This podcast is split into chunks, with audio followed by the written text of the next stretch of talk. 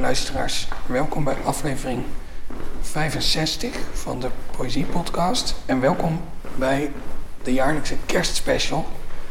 Mijn naam is Daan Doesborg en ik loop met Nora van Arkel van de Sla. Hoi Nora. Eh, door een gebouw op een geheime plek in Amsterdam op zoek naar het huis van Maxime Garcia Diaz.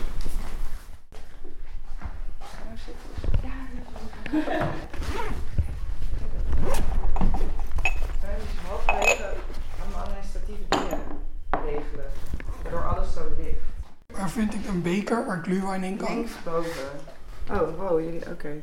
Daar, je kan, eh, ja, ik heb geen kerst. Maar uit welke drink je graag gluwijn? Ehm deze. Die excellent choice. Oh ja. Ja, wij hebben eigen vanwege, vanwege de corona. Oh ja. goed zo.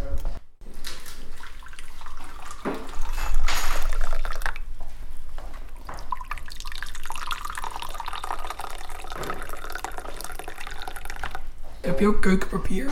Nee. Oh. Ja, wat wil je doen?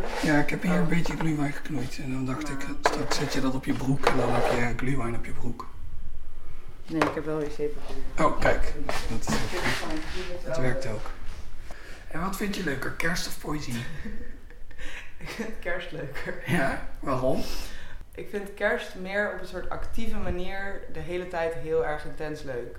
En ik vind poëzie eerder soms leuk en soms moeilijk of ingewikkeld. Of I guess ook dat als poëzie zeg maar echt zo je soort van werk is, of je roeping of zo, of het hele ding waar je de bane of your existence of zo, dat het dan ook dan kan, het niet meer, dan kan ik het niet meer gewoon leuk vinden als, of tenminste wel deels, maar minder goed dan ik kerst gewoon leuk kan vinden. Ehm, en ik snap wel dat sommige mensen kerst stom vinden. Eh, of ingewikkeld. Of kut met je familie en dat je ruzie krijgt. Maar ik heb dat niet meer zo. Ik vind nu vooral kerst gewoon heel erg leuk. Echt, ik vind ook echt die hele... Al die paraphernalia of zo. En dan die soort van... Die hele aesthetic. I love it. En, en kerstmuziek, ben je er dan ook een grote liefhebber van? Ja, op zich wel. Ja, ik Ja, ik namelijk Ik ook. ben niet een heel intense liefhebber ervan. Ik vind het gewoon wel fijn dat het bestaat. Dus dat je een soort gewoon genre hebt waar je gewoon instant kerstsfeer mee kan creëren. En vind je, ook niet, eh, vind je het eigenlijk ook niet een gemiste kans dat er geen traditie is in Nederland voor kerstpoëzie? Ik wist dat je dat ging. Dat het- ik weet niet. Ja, ehm I guess. Is er daar geen... Is dat er niet? Ja, noem een Nederlands kerstgedicht. Ik weet niet. De avonden. Dat is een roman. Nou, boeien. Dat is wel een kerstroman inderdaad. Nee, maar Ehm, bijvoorbeeld, hè, nee, je, bedoel, het- hebt kerstmuziek, je heb hebt kerstfilms, Die Hard en zo, maar maar heb je dat wel in andere landen of heb je het wel in het Engels? weet ik niet. Is er überhaupt niet, is er überhaupt, volgens mij bestaat het überhaupt niet. Een Nee. traditie van kerstpoëzie. Zou wel goed zijn, I guess. Denk ik. Ik weet het niet, ik weet niet. Ik stel me dan echt zo hele klassieke gedichten voor. Ja, je hebt natuurlijk wel eh, ook kerstnacht schoner dan de dagen van Vondel. Nou, zoiets bijvoorbeeld. Maar het telt natuurlijk eigenlijk niet. Het zou wel leuk zijn om... Ja, ik, het zou wel leuk zijn. Nieuw, eh, ik zou wel graag, zeg maar... In het, de stijl die ik dan zelf leuk vind, van experimenteel en raar en zo. En dan een kerstgedicht. Ja, dat lijkt me best leuk. dat jij de Katy Perry bent bij Vondels King Cole. Ja. Ja. Dus ik, ik vind dit wel een, een idee voor een bloemlezing. Nog een week in een soort ker op een soort kerstkamp, zeg maar, gewoon echt de gedichten eruit beuken. Dat doen mensen toch ook wel? Ja. Een soort ik weet niet. Zeg maar, als in, normaal duur, duur, duur je lang over iets schrijven, I guess. Maar als het echt moet, kan, wordt het gewoon niet heel... Maar misschien ook wel. Ja, je kan zo'n soort snelkoker creëren, Ja. waarin poëzie Een ineens... residentie. Ja. Een kerstresidentie. Oh, en dan wordt het heel, eh weet je, zeg maar, psychedelisch, omdat alles heel intens in kerstsfeer moet. Een soort Santa's workshop. Ja, de hele dag die afspeellijst aan. Ja. Word je het half psychotisch? Ja. Of gewoon mijn nummer op repeat. toch in Amerika van die festivals waar ze, of eh, van die pretparken die het hele jaar door kerstmis zijn. Ja. Volgens mij bestaat dit. Oh Ja. god. Dus dan moet je denk ik daarheen voor een week. Ja. Ja, maar dat oprecht, ik denk dat dit wel echt gewoon een best goed idee is. Als je een kerstbloemlezing wil, dan denk ik dat je een groepje schrijvers een week, in begin december in een soort kersthut moet opsluiten. En jij bent dan wel game? Ja. Oké, okay, gaan we sure. onthouden. Het klinkt echt, dat, dat klinkt namelijk waanzinnig. Het is een soort ins- insane, je hebt eruit komt met vijf nieuwe mentale stoornissen. Dus dat, Moet dan ook wel echt een insane eh, kerstboom. ja. En ook elke dag van die maaltijden met eh kalkoen of zo. Van die hele zware soort van Hogwarts maaltijden. Ik vind dit een heel goed idee. Jij- Ja, zeker. ik zou zeggen beginnen. Ja, even goede, goede subsidieverstrekkers zoeken. Precies. En een landhuis in Beieren of zo. Want er- moet wel sneeuw. Is daar sneeuw? ja, nee. Litouwen. Ja, landhuis in Litouwen. En dan, eh, ja, ik zie dit, dit is een mooi, eh, dit, dit, dit gaat goed. Dit, dit wordt hem, ik voel het. Ik zie een subsidieaanvraag aankomen. Wat, is, wat vind jij leuker? Kerst en poëzie? Hou je eigenlijk, ik weet niet, als je dit doet, dan hou je waarschijnlijk wel van poëzie. Ja, ik hou van poëzie. En van kerst. Of niet? Ja, maar eh, niet zo. eh, ik ben bijvoorbeeld niet van de kerstmuziek. Ehm, ja, ik denk poëzie, want dat is het hele jaar. Leuk. Ja, brengt dat gevoel en eh, emotie mee. Dat is wel goed. Het is betrouwbaarder dan kerst. Ja, ja, ja. Het is ook wel stressvol dat kerst één keer per jaar is en dat je dan zo...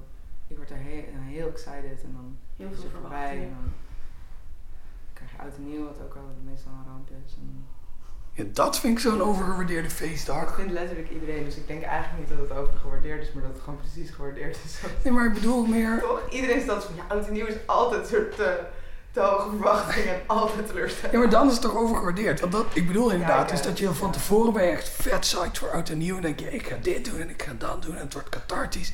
En dan, en dan is het oud en nieuw en dan is het gewoon, valt het altijd tegen. Maar misschien als iedereen dat vindt, dan is het misschien inmiddels niet meer dat het overgewaardeerd is, maar meer dat we gewoon collectief een soort, you know, hysterisch gevoel hebben van er zijn hoge verwachtingen en die mag je dan niet, die kan je dan niet waarmaken of zo. Het is niet, dat is niet echt waarderen. Ja, oké. Ik weet ook niet precies waarom. Het is, dat is er gewoon, het kan ook niet anders. Terwijl er dus wel heel veel oud en nieuw poëzie is. Ja? Dat is, het, dat is de echte tragedie hier. Oké. Je hebt heel veel oud en nieuw Mensen eerder dingen schrijven waar ze zeg maar over dingen die ze een soort van kut vinden. Of, Het, het idee is natuurlijk wel poëtischer van, oh, eh, het oude jaar is voorbij en het nieuwe jaar begint. Terwijl kerst, dat is misschien dat is te zoet voor poëzie. Ja, ik vind het. Ik, daarom vind ik het nu, nu wel eigenlijk een soort. Nu vind ik het wel een soort inspirerende grond voor poëzie. I guess omdat ik zeg maar de laatste tijd, of in mijn bundel in ieder geval, echt zeg maar best wel into zoetsappige dingen ook was. Van Disneyland of zo. Kerst past daar echt vet goed tussen. Ik ga misschien eigenlijk wel serieus een kerstgedicht schrijven. Dus het is zo, dat is zo, het is zo, het is echt het toppunt van popcultuur of zo. Het is echt zo de hype, het is de hive mind soort op zijn sterkst met kerst. Omdat iedereen met hetzelfde bezig is. En een soort van een soort collectieve waan is van, zeg maar, I don't know, normaal is de wereld heel gefragmenteerd. En dan met kerst is het zo heel, een soort, zeg maar, I guess een soort saamhorigheid. Maar die saamhorigheid is ook super ehm, niet echt en zo. Dat vind ik heel interessant. En je ziet het natuurlijk ook in die kerstmuziek. Dat ga ik weer met mijn kerstmuziek. Maar omdat er is, er is een heel smal scala aan, aan thema's en beelden. En die moet je gebruiken, anders is het niet, niet kerstig. Dus of je nou een, een, een kerstnummer van Frank Sinatra hebt, of je hebt een kerstnummer van Lord, of je hebt een kerstnummer van eh Ramstein. Daar gaan gemeenschappelijke elementen in zitten. Terwijl bij welk ander onderwerp heb je dat nou? Het gaat toch super vaak over de liefde met kerst. Of over. Ja, toch? Van All I Want for Christmas is You. Ja, oké. ja, die, dat is dan daar weer een subgenre in. Maar het meeste is gewoon, er valt sneeuw. We Ja, zijn samen. Meestal is het gewoon een soort De sfeerimpressie. kerstman is ook nog ergens. Maar ik snap dat echt niet dat het vaak over de liefde gaat. Of van die soort van sexy kerstliedjes. Ik vind kerstdag de meest, zeg maar, onsexy feestdag ever. Het is ook echt zo, het is een soort van knus, kneuterig en familieachtig. What about this is zeg maar een soort van dat je er echt een super zwoel nummer over wil maken of zo. Dat je met je cousin naar bed wil of zo. Ja, dat, Dat is toch raar, iets dat zo erg met familie geassocieerd wordt. Ja, loop één keer de hunkebuur in en dan zie je dat heel veel mensen er blijkbaar toch anders over denken. Ik vind het niet kunnen eigenlijk. Een thema waar je een campagne van zou moeten maken. gewoon desexualiseer kerst. Desexualiseer kerst. Niet op ons kinderfeest.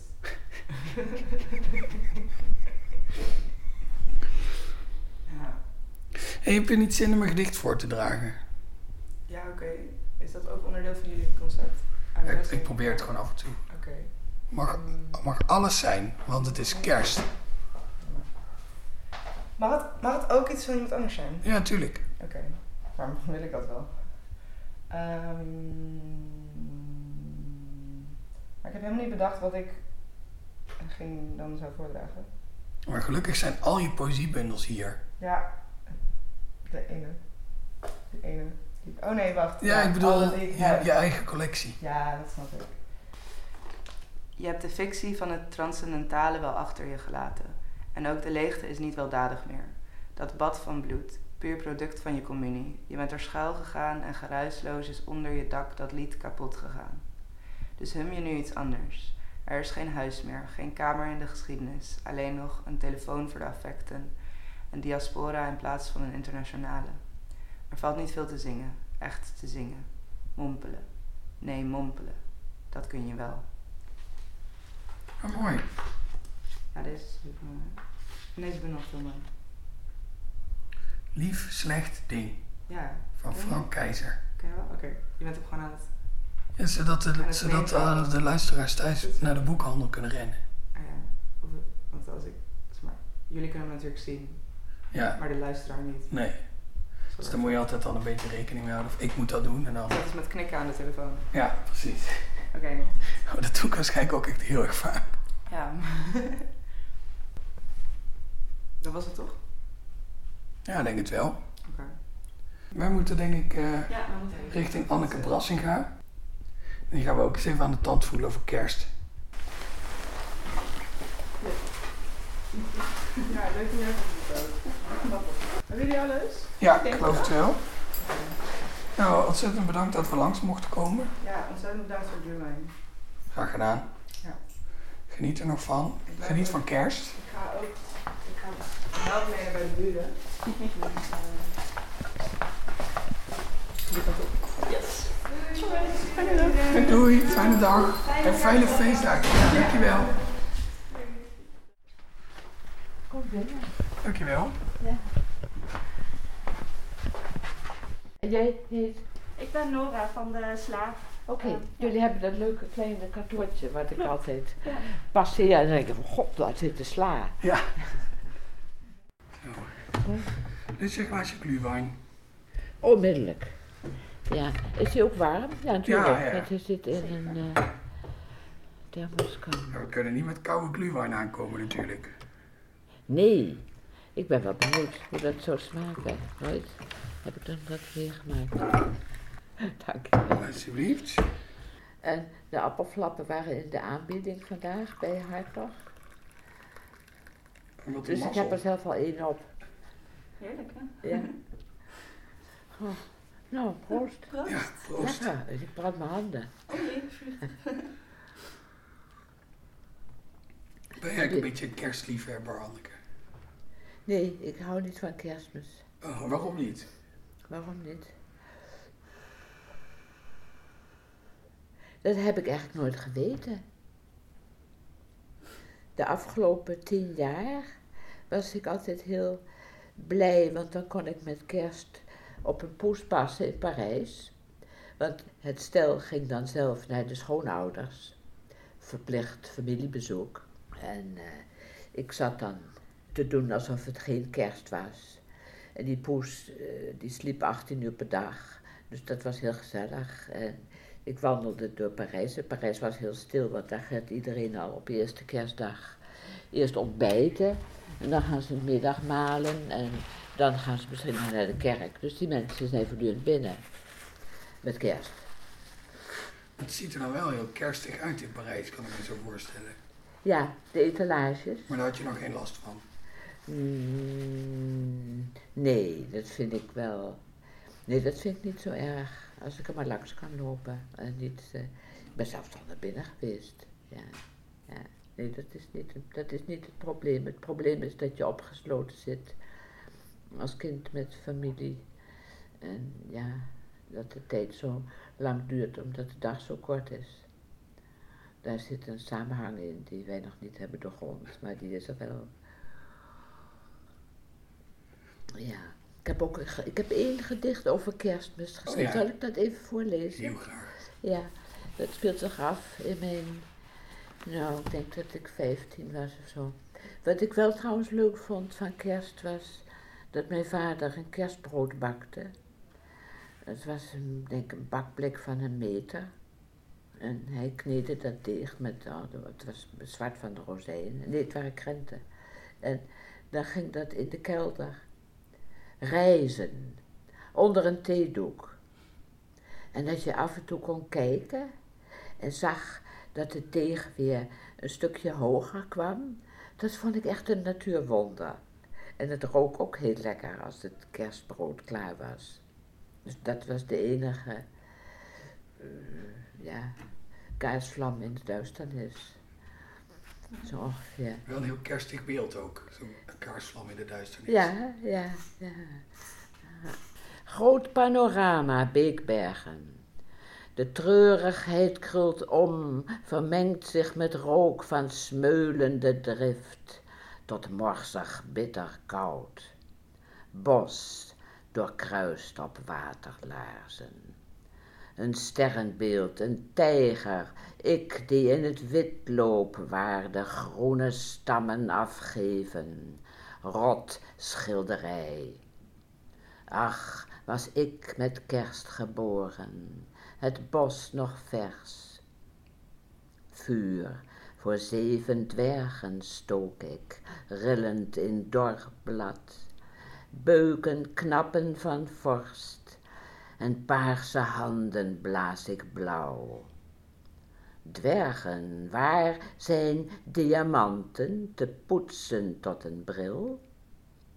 Regenboog, die stuitert over het wit, het fonkelen van warme tranen? Sneeuw, vleugels van een zwaan, waar de zon op neerstrijkt, de bloesemende, uit hun sneeuwknoppen barstende dennen. Ik dacht gisteravond opeens, in die dennen, daar zie je hoe mijn woede op ontploffen staat. Een heel, een heel kwaad kerstgedicht. Ja, ja, meestal was ik woedend. Eh, ja, van benauwenis, hè. Maar nu ga je niet meer naar Parijs met kerst. Nee, want de poes is dood. Oh. En zonder poes, ja, die weliswaar slaapt, maar toch aanwezig is. En de vriend die ik was meenam is ook dood, dus ja, dan wordt het een beetje te veel terugblik. En niet meer een nieuwe belevenis. Dus dit jaar niet, nee. Dus je gaat nu een hele nieuwe kerst tegemoet. Ik ga eh, kerst, ik ga een nieuwe, een nieuwe vorm van ontkenning van kerst tegemoet. Ja, ik heb het ook wel eens opgelost door heel hard op kerstmis de Matthäus Passie te draaien. Nou, dat is echt voorkomen anti-kerst, hè? Van de wereldstuit. Ja. En beviel dat? Dus ik vond het wel leuk, ja, keihard. En dan ook nog, het was natuurlijk in een heel ander huis dan hier.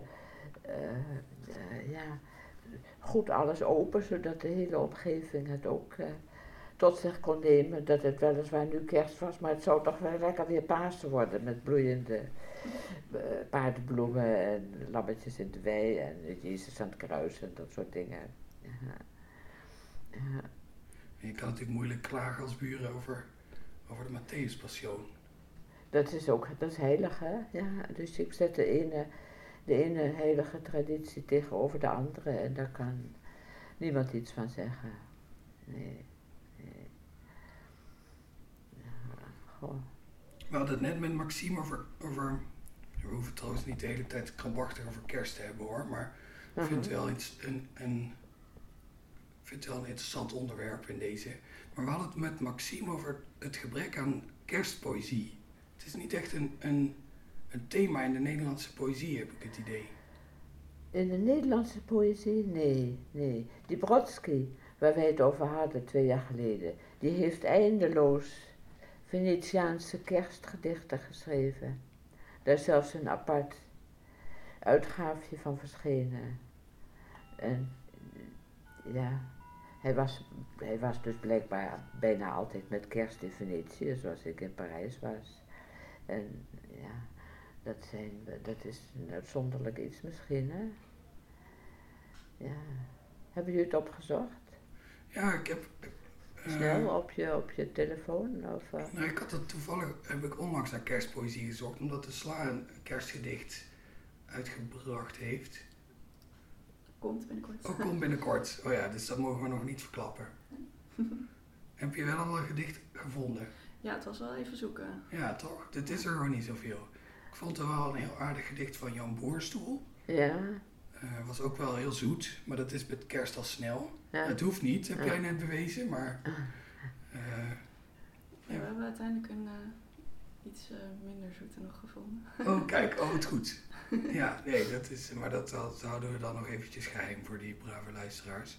Hoewel dit op de twintigste uitkomt. Dan Dus- zou het er moeten zijn. Dan kan je het al lezen in ons raam. Ja. Oh, kijk, nou, ideaal. Er Maar wel iets over alles is een bloemlezing. Dus er moet ook een bloemlezing zijn met kerstgedichten. Zou je zeggen van wel. Ja, ja. Eigenlijk een, een gat in de markt. Want voor, bij mij weet is die er niet. Wel heel veel kerstverhalen natuurlijk. Ja, Maar kerstgedichten geloof ik niet. goh. Nou, als dit bericht de wereld eh, be- bereikt, dan eh, hebben we al iets eh, aangericht. Dan is er volgend jaar een volwassen, vuistdikke kerstgedichten bloemlezing door Ilja Leonard Vijver samengesteld. Met hopelijk jouw kerstgedicht erin. Nou, dat zullen we nog maar afwachten, ja. ik hoop dat jullie een oliebol gaan eten. Ja, dat ga ik doen. Ik doe nog één slokje glühwein en dan... eh, Dat is heel erg lekker. Kaneel.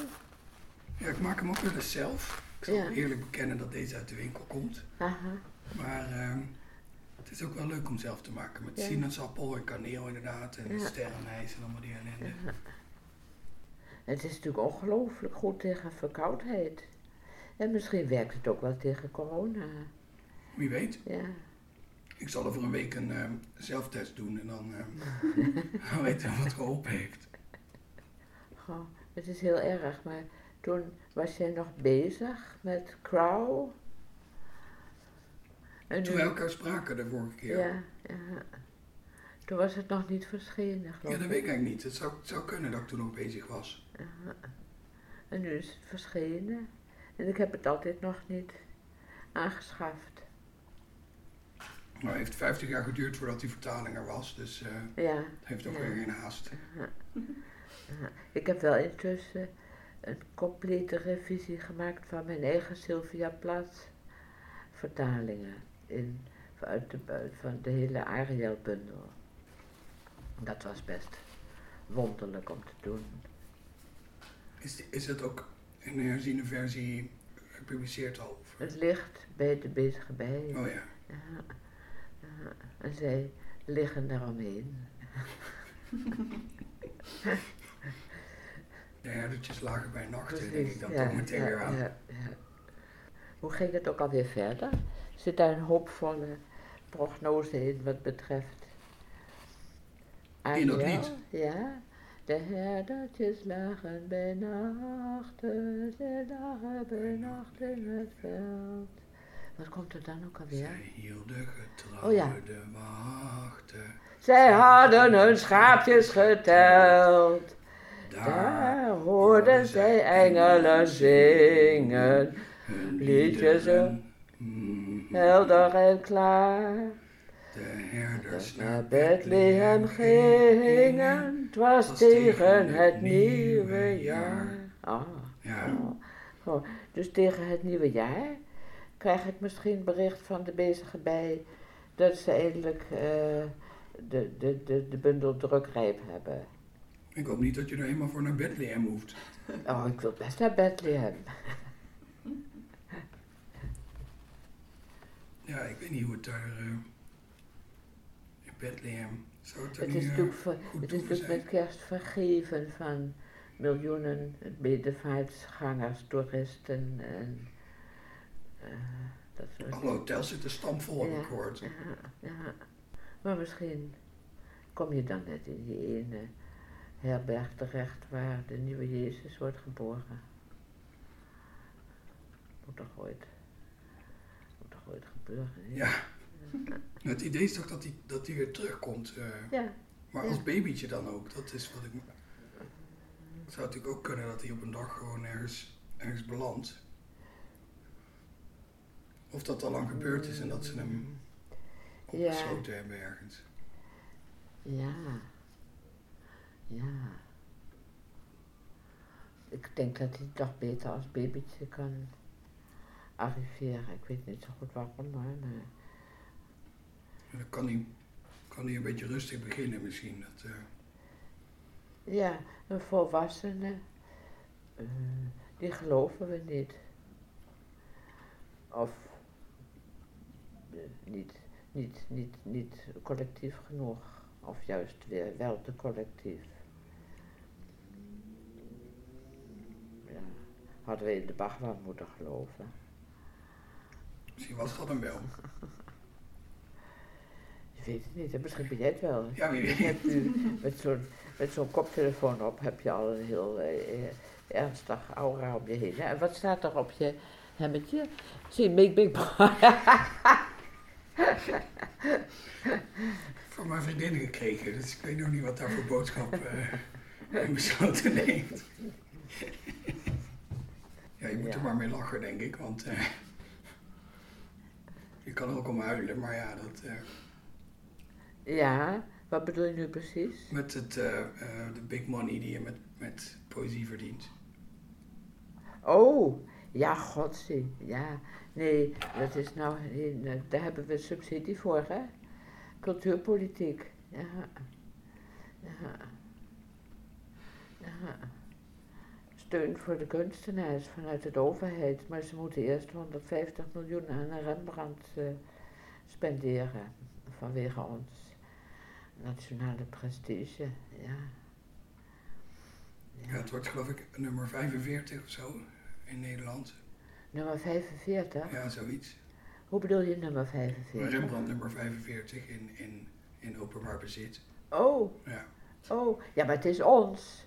Eh, het is onze Rembrandt. ja, ja. We moeten daar 11 miljoen hebben. Of hoeveel mensen hebben we hier ook alweer? Eh, Iedereen zijn eigen Rembrandt. oh ja, En zijn eigen autootje. En zijn eigen maandelijkse inkomen. en dan mag Rembrandt nog wel aan de bak. Ja, ja, ja. Je hebt in China van die reproductiemachines, eh, fabrieken. eh, eh, ja. Ja. Maar goed, het is allemaal vreselijke, hopeloze treurnis. Heb je hier nou nog heel spannend een gedicht liggen met een, met een nachtelijke sterrenhemel? eh?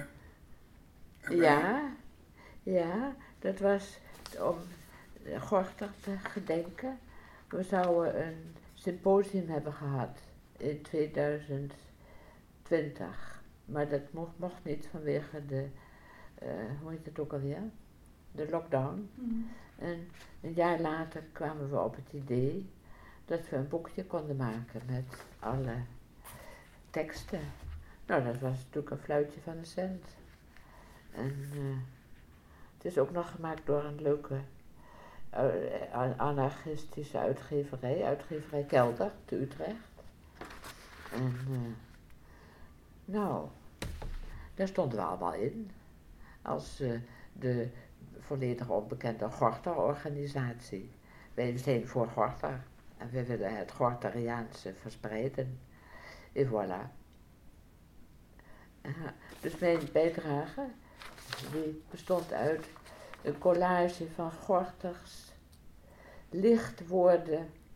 Zo'n uitgave met een rood eh, paperback eh, bandje. Lyrische poëzie tot 1905. En daar kun je allemaal een ongelooflijke, oeverloze hoeveelheid woorden met licht vinden. Dus die heb ik allemaal keurig opgeschreven. En toen heb ik, dat heet Gorterwoorden, hè. En toen heb ik een tegen een nachtelijke versie gemaakt. Waarin het woord licht is veranderd in nacht en dat soort uh, uh, gein. En als je dat zo afdrukt, de een wit uh, met zwarte inkt en de ander zwart met, witte inkt, dan is het ook nog een, een, een ruimtelijke sculptuur hè? In de, binnen in de, het boek, zo ongeveer. Maar ik weet niet of ik dat nu helemaal moet gaan voorlezen aan jullie. Ja, wat je wil hoor. Ik, ik vind meer poëzie altijd goed. En we hebben volgens mij nog wat tijd, toch? Ja. We gaan hierna naar het Witse Huis. Oh, daar heb ik ook gewoond. Oh ja? Ja, ja. ja. Oh, uh, hoeveel, gaat dat per etage eigenlijk? Ik ben er nog nooit geweest. Per etage, ja, het gaat per etage. Oh ja, welke, welke etage heb je gewoond? Ik zat boven het museum, dat is twee hoog. Oh ja, misschien zijn we dan straks wel in jouw huis. Ja, ik ben benieuwd of er nog de groene marmoleum ligt. We gaan op Die onderzoek heeft, uit. het, die heeft het heel lang volgehouden, denk ik. Ja, ze gaan een boek maken. In 2023 is Willem Witse 100 jaar dood, geloof ik. En ze willen van ons bijdragen met herinneringen in schriftelijke of, of proza of poëzie, dat mag je zelf weten. Dus dat. Uh, van iedereen die daar gewoond heeft? Ja, ja, voor zover ze nog in leven zijn natuurlijk. Ja, ja. ja het is een wonderbaarlijk leuk. Je moet er gaan wonen. Gratis wonen, vijf jaar lang. Ja, was het dat toen. is, Ik weet niet uh, of het nu veranderd Niet is. duur inderdaad. Gratis wonen is niet duur. Nee. Daar hebben we een slagzin voor. Maar dan heb ik na vijf jaar natuurlijk wel een probleem, want uh, Ja, nu heb dat is een huis. enorm probleem. Want Ja. ja. aha. dan sta je opeens ontheemd op straat. Tweede verdieping, groen marmoleum. Ja, ja, echt alsof je door een, water, een laagje water loopt. En helemaal beneden woonde een oude Duitse schrijfster, Elisabeth Augustin. Die, die was ook de rondleidster in het museum op één hoog. Jullie gaan natuurlijk ook even naar het museum. Ik denk het wel. Ja, ja. prachtig behang. Het is eh, een tijdje, nou heel lang geleden. Ik ben, er al, ik ben er al weg sinds 1992. Dat is 25 jaar geleden misschien, hè, zo langzamerhand. Bijna 30. Ja. Maar Dus- het wordt ja. Het, het, het gerestaureerde behang zal ook wel een beetje stoffig zijn geworden inmiddels. En als dat jij hebt twee ogen en daar zit er dan nog eentje boven? Ja, boven mijn hoofd staat eerst Salvador Hertog. Ik weet niet of je die naam je iets zegt. Een heel aardige Limburgse schrijver. Ja, ja, die mensen waren allemaal net voor de oorlog geboren, denk ik. Eh, net als Oscar Timmers. Zegt je naam, eh, de Ritserveld je nog iets? Goh, was toch een groot schrijver, hoor. Ja, de Poolse vlecht. Nee. Nee, maar dat zijn romans, hè? Oh ja. En Salvador schreef ook romans. En daarna kwam er boven mijn hoofd Thomas Rozenboom. Die was, die was echt een workaholic. Hij, hij, hij tikte met zijn voet eh, op de vloer, terwijl hij aan het werk was. En dat konden wij horen. Dus we konden altijd horen als Thomas Rozenboom aan het werk was, waardoor die tik, tik, tik, tik, tik, zo boven je hoofd werden toch behoorlijk hoge kamers waren. Dus eh, dat was wel grappig. Hij zat toen te werken aan gewassen vlees. Dat ken je natuurlijk wel. Ja, dat heb ik gelezen, ja. Ja. Ja. En mijn voorganger was Jacob Groot. Die zou je eigenlijk ook moeten opzoeken vandaag. Als dichter, hoe die daarover denkt. Het was echt een fantastisch huis. Ik kan niet anders zeggen. Ja, misschien moet ik maar weer eens terug. Om daar te gaan wonen bedoel je? Ja, precies. Ja, gewoon een tweede ronde. Nou, ik lees nog een klein stukje Ja, voor. dat is goed. O eindige niets vernichte de huiver van stillen. Satanisch gezwerkte nacht, traag uitdoffert, alontpoffend. Krimpgetreuzel, poedergruis bestovende schaam het kruis in de weeë juwelen. De spaarlamp, de tijgernacht, de gele hap in de verstrikkingsnacht. Nachtschade-bessen, slaapverversingen gierlappig, manke buit, nachtkust, onafgestofte kier van zucht, de oprit naar gesmolten asfalt roestlappig, met weerhaken gestript, er kolkt der kinderen vluchtig bebladderd geboomte, briljant glimt de kerstrode avondglans boven de gasboringweide, en lichtvoetig en duizelig en hoofdverloor. Haatschuim, kamergeklater op persisch moerastapijt, vol hartwater lelienwalm, en de vulpenrook wolkt van gouden badkranen uit, der bankiers. Zij zijn de spinnen wevende, onze afgetrapte joggingbroekjes, die de roodwangen dauw doorklieven, bij het prille lentelijke hollen, om nog te doorstaan straks, dorstende, een biertje en een sigaret. In de striemwit regen van het vogelhakkelende, zacht verstiksel der lucht. Nou, dat is mijn eh, eh, klimaatcommentaar voor het afgelopen jaar. Ja, heel mooi. En je antwoord op Gorter. Ja, ook, ja, ja, ja, ja. Nou, niet echt hoor, want ik hou meer van Gorter dan van mezelf. Als dat kan. Het kan wel, hè? Ja, Ik denk het wel. ja, ja. Ja, Gorter was, had ongetwijfeld ook klimaatpoëzie geschreven, denk ik, als hij nog geleefd had. Tuurlijk, ja, ja, ja. Net zoals Neskio al vloekt op eh, wat we allemaal aanrichten in, eh, hier in de omgeving. Ik was laatst, werd ik op de, was rond Sinterklaas, moest ik op de radio over Sinterklaasgedichten komen vertellen. Aha. ik altijd een, op zich een vervelend klusje vind, want je wordt zo eh gekarikaturaliseerd. Ja, ja. Maar ehm, toen dacht ik toch, nou, ik kan toch wel even van de gelegenheid gebruik maken. Toen werd natuurlijk de onvermijdelijke vraag gesteld dat een Sinterklaasgedicht dan per se moet rijmen. Toen zei ik, dat was vroeger zo. Maar, toen kwam Gorter in 1880 en sindsdien hoeft het niet meer. Heeft het toch maar mooi voor elkaar gekregen voor ons allemaal. ja. Nou, dat vind ik een heel to- toffe, toffe uitspraak. Ja. Hij was natuurlijk niet de eerste misschien eh, die op dat idee kwam, maar eh, eh, wel... Hij was wel de gezaghebbendste. Ja, misschien. precies. Ja. Zullen we eens richting Witshuis gaan trekken? Ja, laten we dat ja.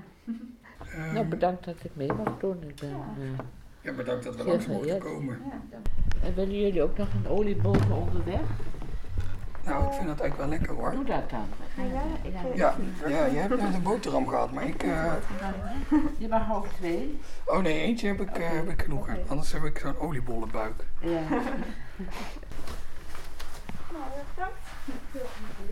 Ja, bedankt. Eh, we zullen het Witshuis de groeten doen. Ja, alstublieft. Ja. Zeg maar dat ik van ze hou. Ja, dat is goed. Dag.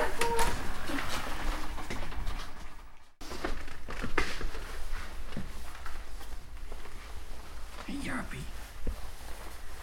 Ja, die tas ruikt ook naar kat. Kom jij, ehm, ik heb hier een klaar. Die zouden bij jou aanbellen, maar die zouden ook bij mij aanbellen. En toen dachten we, misschien kunnen we wel gewoon beneden met z'n allen. Dus de vraag, de vraag is eigenlijk of je zin hebt om naar beneden te komen. Ja. Het antwoord is ja, oké. Ja, zie je zo. Ja, hebben jullie zin in iets? Oh, jullie hebben Ja, heb jij zin in glühwein? Dat is het, de glühwein. Ja. Ik wil even over Simon. Oh ja.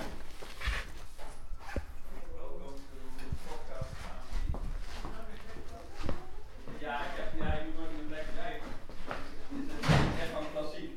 Oeh, hey jannie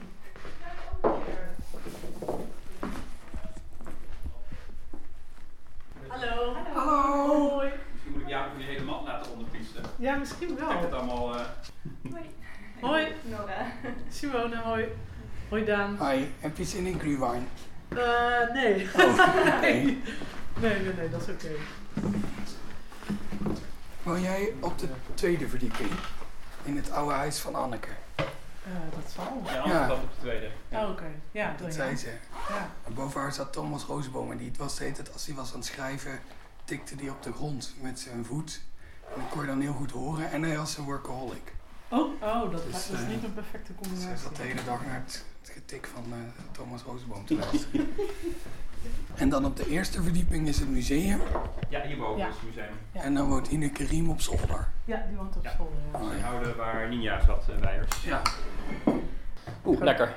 Mag ik zelf wat te drinken? Oh, sorry. Ja, Nee, nee, nee, maakt ja voel je thuis. Dat weet je hier, ja. Ik heb eh, Spaanse koekjes als jullie daar zin in hebben. Wat spannend. Oh ja, ook nog dingen. Ik. Hoe was het met de Anneke Wassinga? Eh, goed. En eh, het was ook eh, gezellig. We hebben samen gezongen. Eh, ze heeft verteld dat ze altijd kwaad wordt voor kerst. Kwaad wordt. Ja, of vroeger was dat geloof ik. En we hebben oliebollen gegeten. Bij Anneke. En ze heeft verteld wat een, wat een genot het is om in het Witse huis te wonen. Ja.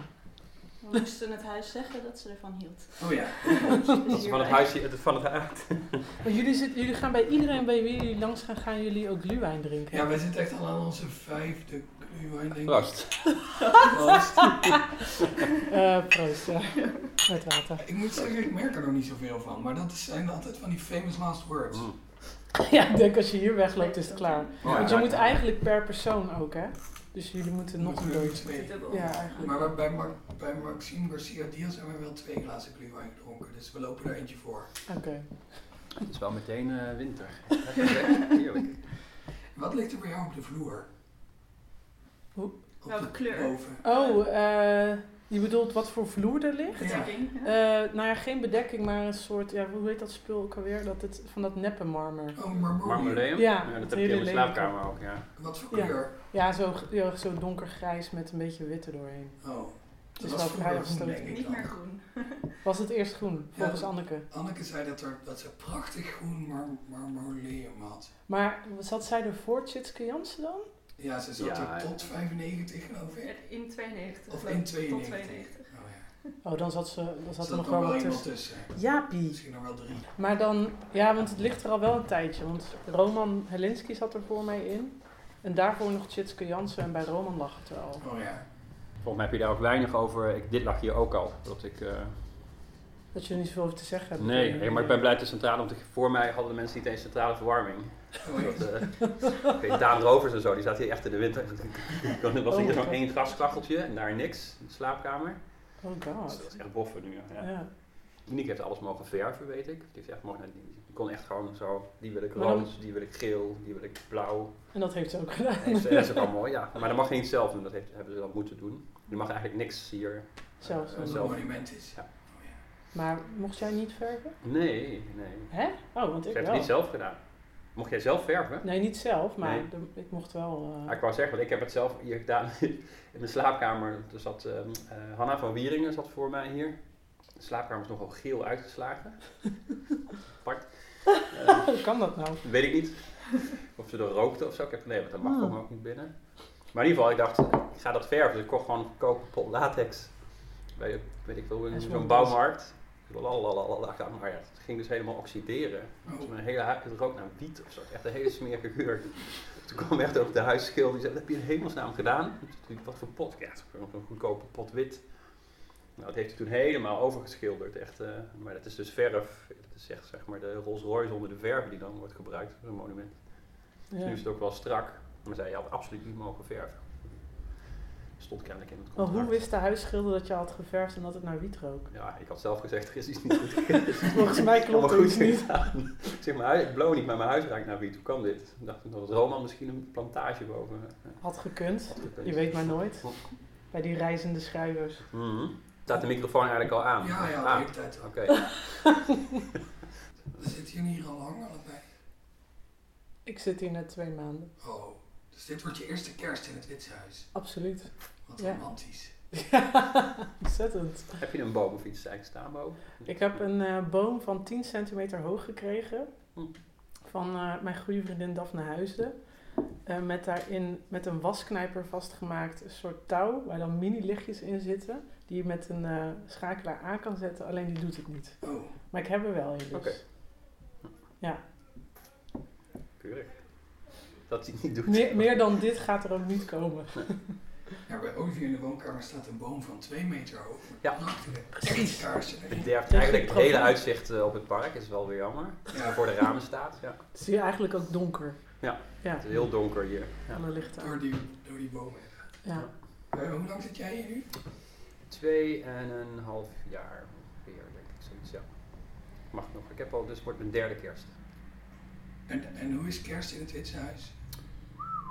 Een beetje het gevoel als... eh heb je ken die clip van Wham? Niet dat ja, zo, zo gezellig met z'n allen. Lekker door de sneeuw rollend. Nee, het is... eh nee, ik denk niet heel koud. Vorig jaar was het heel koud. Het was een hele strenge winter, herinner ik me. met Veel sneeuw. Toen heb ik wel met Roman Halinski een sneeuwpop buiten gebouwd. Op een stoel hebben we die gezet. Um, en met Ninja en de hondje hebben we toen veel gewandeld. Het ligt er eigenlijk aan. Het is niet zo dat we nou een soort gemeenschappelijke... eh, nou, we gaan woensdag gaan we trouwens met Ineke en jij gaan we, gaan we eten. Ja. Ja. Dus kerst in het Witshuis is niet een... eh, Het is eigenlijk geen big deal. Dus nee, Oh. misschien moeten we dat er wel van gaan maken of zo. Ik weet het niet. ja, ik dacht ik blok het vrij, maar dat heb ik dus verkeerd inge Ik ben er niet, ik ben bij mijn ouders ook. En wat vinden jullie leuker, kerst of poëzie? Poëzie. Ja. Ja, sowieso. Allebei. Ja. En, en wat heeft kerst jullie ooit misdaan? Of wat, wat heeft poëzie voor goeds gedaan? Oh ja, dat, dat kan Ja, ik wou net zeggen. nou, jij mag eerst, Olivier. Wat heeft kerst mij allemaal misdaan? Weet ik. Nou, ik kom uit een heel klein dorpje waar eh, dat heel katholiek was in, Bra- in Brabant. Wij waren eigenlijk voor mij de enige in het hele dorp die niet eh, de kerk gingen, niet gedoopt waren. En ik weet nog dat de hele klas mocht zingen bij Henny Huisman op televisie in een of andere show. Ik niet. Je bent gewoon niet ik, niet za- ik zat gewoon voor de tv te kijken hoe al mijn klasgenoten daar gewoon te shinen bij Henny Huisman. De Henny Huisman in die tijd. Dat is Ja. echt verschrikkelijk. Ja, dus daar ligt wel een heel klein kersttraumaatje, denk ik. eh. Maar je bent er nooit achter gekomen waarom jij buitengesloten werd hiervan? Nou, ik zat niet in het. Er was een, een fraterkoor, of hoe heette dat? Ik weet niet eens allemaal de benaming, wat het precies was. En daar zat iedereen bij. Ik En dat iets. koor is uitgenodigd. Maar Het omdat koor werd uitgenodigd. En het was hetzelfde met dat iedereen deed dan de communie in mijn klas en kregen allemaal bestuurbare auto's. En ik, ik kreeg niks, ik kreeg een extra augurk bij de boerenkool. Eh, dat was, dat was het, moest ik het mee doen. Ja. Oké.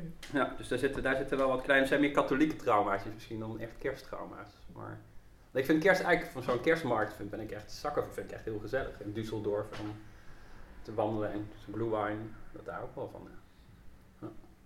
Oh. Jij niet? Nee, Nee? nee. Nee, het doet me gewoon niet zoveel.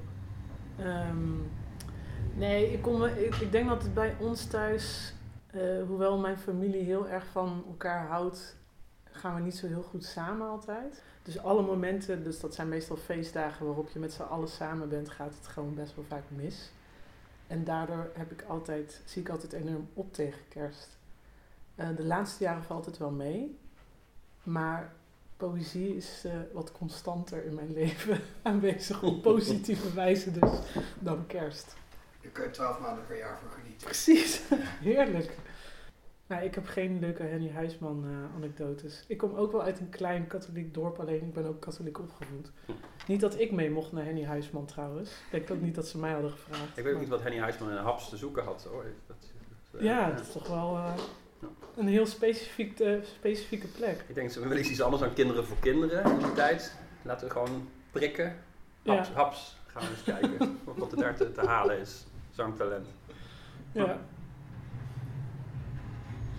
Het is natuurlijk wel een beetje, een beetje of-of, want poëzie over kerst, dat, dat is er niet echt. Nee? Ja, Ik neem aan dat je onderzoek naar hebt gedaan. ja ik, ik heb gegoogeld. Ja. Ja, maar ja, noem een bekend Nederlands kerstgedicht. Nou, die, die weet ik niet. Nee, Nee. ik ook niet. Er zijn gedichten, maar geen eh, grote die iedereen meteen Nee. Nee. Anneke Brassegap heeft dus blijkbaar een kerstgedicht geschreven. Oh, dat wil ik dan ook wel meteen lezen. Maar die heeft een hekel aan kerst. Oh, Dus eh, het zijn Dus- heel erg met ontploffende dennenbomen en zo. Het is, het is eigenlijk een anti-kerstgedicht. Ja. Nou ja, je hebt dan eh, ook kerstnacht schoner dan de dagen. Maar dat vind ik, dat telt eigenlijk niet, want dat komt uit een toneelstuk. Ja. En dan, dat, dat was dat een beetje. Ja, Jan Boerstoel, die plug ik dan nog maar een keertje. Dat is wel een lief gedicht, toch? Ja. Boerstoel. Herinner mij. Is je nou het verzameld Ja, alles van Judith? Herzberg. Ik, ik herinner mij een gedicht van Judith over. Maar god, ja, waar ga ik dat in hemelsnaam vinden? Ga jij dat even opzoeken? Ga ik even... helemaal- ik- Ja, ik, ben, ik doe wel zo'n belletje als ik... eh, Ja, Ga jij even naar de de slaapkamer dat ja, dan opzoeken? doe jij ondertussen doe jij de Ja. paardensprong. even kijken. Nee, eh, nee. Ja, ik weet het niet of... Ik kan me niet voorstellen dat je daar op een manier over kan schrijven. Ja, kerst is natuurlijk iets wat voor iedereen zoveel verschillende dingen betekent. Ik bedoel... Maar dat gedicht van, van, van Anneke zou ik dan wel willen lezen. Maar een beroemd kerstgedicht is, is wel... Dat is niet iets wat volgens mij echt bestaat. Heb je dat gedicht al gevonden? Nee, nee. het opgegeven? Ik heb het opgegeven, maar ik zet de joker, eh, zet de joker maar in. Dat is goed. ik. Ik herinner me wel iets dat jullie daar iets over, dat, daar, dat ik iets met kerst heb gelezen daarin, maar ja, pff, geen zin om het door te spitten. Als er nog op komt, dan stuur ik hem in. Oh ja, dat is goed. Dan eh, kan je gewoon met je telefoon eh, en dan Ja. plak ik het hier ertussen. Precies. Dat doen we nu even. Moet je Nou, nog wat even een prachtig zeggen? gedicht. Ja. Geweldig, Olivier. Echt mooi. En Nou, fijn ja, dat je hem zo snel hebt gevonden. Ja, en dat is gewoon, nou ja, goed, ik ben natuurlijk connoisseur hè, van het werk van Hersberg, dus ik, dat is voor mij gewoon een peulenschilletje om het eh, op, te, op te duiken. Ja, Wij waarderen dit. ja, zeker. Als je ook nog even heel hard roept, ik heb hem gevonden, dan kunnen we dat Oh ja. Ah, kijk, ik heb hem. Ja, kijk. Oh, ja. Oh, is een korte. Ja, En dat niks O is een korte, daarmee snij je jezelf nu wel in de vingers. Oh nee, is toch nee. Nog een bladzijde. Heb jij ook een gedicht bij je? Nee? Die liggen allemaal boven. Ja. Oh. Moest dat? Nee hoor. Maar Oh. het- Wist ik ook niet. je Eh, zei ook. Ik, Nee, je ik- hebt, eh, je hebt me weinig Ja, instructies ik bedoel dat jij gegeven. net dat gedicht van eh, Judith Herzberg Och, ik vergeet Oh, ik kijk. natuurlijk helemaal. Ja. Ja. Eh, nee, ik heb, geen, ik heb geen gedicht bij me. En Oh. ik pak nu mijn telefoon erbij alsof daar iets op zou staan, maar dat is dat ook is niet ook zo. niet zo. Nee. Nee, Je mag ook gewoon een WhatsApp, WhatsApp gesprekje voorlezen. Eh, Met ja, wat, laat je ja. wat pauzes vallen. Oh ja, ja. Dat is, dat, dat is ook een vorm van poëzie. Een soort ready-made. Eh, maar ik denk niet dat ik dat ga doen. Hm, jammer. Eh, ja, het is toch eh, ja, Privé. ja, vrij privé. Ik wil niet ook zo'n Big Brother Award winnen, net zoals Grapperhaus en de jongen dus. De wat? De Big Brother Award. De. Grapperhaus en de jongen hebben de Big Brother Award gewonnen. Voor, dan, dan win je een award voor de mate waarin je privacy van het volk hebt geschonden. Oh. Waarvoor? Dat ze de coro- corona-app niet goed Eh, voor of zo. 2G natuurlijk, en de corona-app en zo, en de, ja, de, de QR-dingen. En Grapperhaus zal dan wel in het kader zijn van eh, zijn ministerie en hoe, dat, hoe die omgaat met... eh, ja, dat hij wil. Ik denk dat het. Ik heb het artikel niet afgelezen, maar dat zal wel gaan over dat hij natuurlijk probeert om al die versleutelde berichten van eh, telefoons eh, toch eh, in te mogen zien in het geval van criminele, e- eventuele criminele activiteiten. Het ging er ik om dat hij inderdaad met die, met die terror- terrorismebestrijding en zo, dat hij daarmee een soort nieuwe geheime dienst gecreëerd heeft. Ja, Terwijl eigenlijk. we wel. hadden er alleen. Dus Ja, Oh, die Big Brother Award, dat is ironisch bedoeld. Als, als nou, het is eigenlijk een, ja, het is een een award die, lookie. Of noem je Ja, dat? het is nee, een- nee, nee, nee, lode lode lookie, lookie, ja. lookie. Het is een award die je niet wil winnen, inderdaad. ja. Bits of Freedom Wat, wat staat hier op tafel? Marsepein. Marsepein. Mag ik het nemen? Ja, Ja, ja, zeker. ja, daar ja. staat het. Ja. Ik heb heel lang geen marsepein op. Volgens mij echt basisschool. Benieuwd naar je Zo lang? Gewoon roze koek. Oh, dit is heel veel cake aan het midden. Oh nee. Dit is hetzelfde als een roze koek. Die eet ik nog wel eens op scholen. Je Als ik Dit is echt als ik zo'n rare opmerking. Als ik sta te kinderlokken, dan ga ik altijd even, altijd even naar binnen. Dan heb ik misschien hoe het is koud buiten. Dit is een roze koek. Ja, die eet ik nog wel eens op scholen. Ja, maar ik moet op school en dan Nee, dat weet ik maar. En dan Context, haal ik een roze context. koek in de kantine. Maar het is een automaat. Ja, of sommigen hebben ook echt zo'n luikje. Oh ja. En soms krijg ik ze ook van de docenten. Word ik uitbetaald voor roze koeken. Dat weten ze dan Zonder ernst, ja. Oh, Olivier komt, moet wel roze koeken halen. Ik zal dit onthouden. Mhm. Waarom pas wel opeens roze koek op kantoor? Was dat die reden zoals gekomen of niet? Zou goed kunnen, want ja. Ik vind ze niet lekker eigenlijk, roze koeken. Nee. Maar het is gewoon een idee als je ze hebt, van een roze koek en een eerste hap met, met heel veel eten, is dat toch dat je denkt dat je er zin in hebt.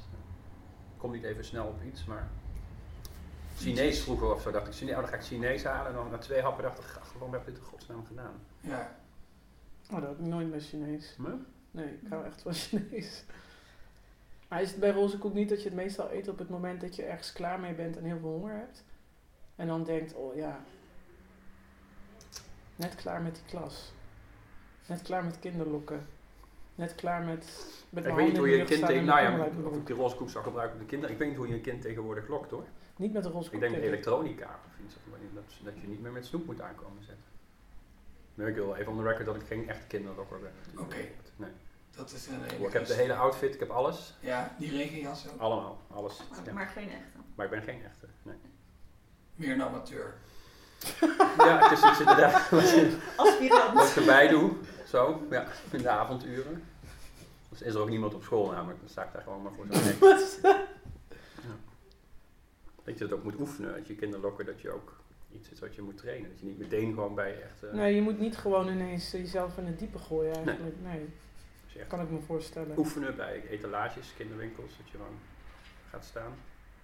En pst, Voor de paspoppetjes. voor de eh, paspoppetjes. Ja. ja. Proberen te lokken. Nou, als je ooit pro gaat, Ja. dan eh, komen we terug voor een interview. Dat lijkt me... eh, We moeten Ja. wel een beetje on topic blijven. Ja, het gaat eigenlijk helemaal niet meer over literatuur of poëzie. Of, ik ben al lang blij dat het niet over Max Verstappen gaat. Ja, Ja, nu gaat ga je het er toch over. over. Ja. Ja. ja. Nou, Simone. Heb jij met Max Verstappen?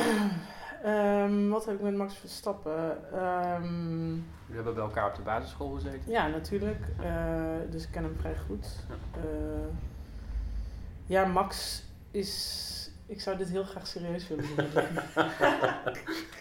maar ik ga het toch proberen. Ja, Nee, eh, Max en ik hebben een hele eh getroubleerde relatie, omdat hij mij tot groep 5 heeft gepest. En toen eigenlijk vanaf groep 6 werd ik populairder omdat ik een Playstation had. En toen ben ik eigenlijk hem gaan pesten. Alleen ik denk dus ergens dat het door mij is dat hij zo dat ja, doorzettingsvermogen, Bewijsdrang, eh, ja. bewijsdrang, ja. Maar hij heeft mij ook geïnspireerd. Dus op de een of andere manier ben ik hem ook wel heel dankbaar. Snap ik. En zijn vader Jos ook dan indirect, denk ik ook. Ja, maar wel minder. Minder. Ja, nee, het is toch wel vooral Max. En, ehm, en, en ook ik meer dan Jos bij Max. Ik ben denk ik een grotere invloed dan zijn vader. Ja. Dat, ik bedoel, ik wil niet... eh, ik wil zeker niet eh, eh, mezelf op de borst kloppen, maar ik denk dat ik daar wel feitelijke informatie mee geef. Vind je het jammer dat je dan niet eigenlijk alle spotlights hebt? Het gaat niet zozeer om de spotlight, het gaat om erkenning. Ja, ja, ja. Hè? Je moet wel erkend worden als persoon, als maker, als.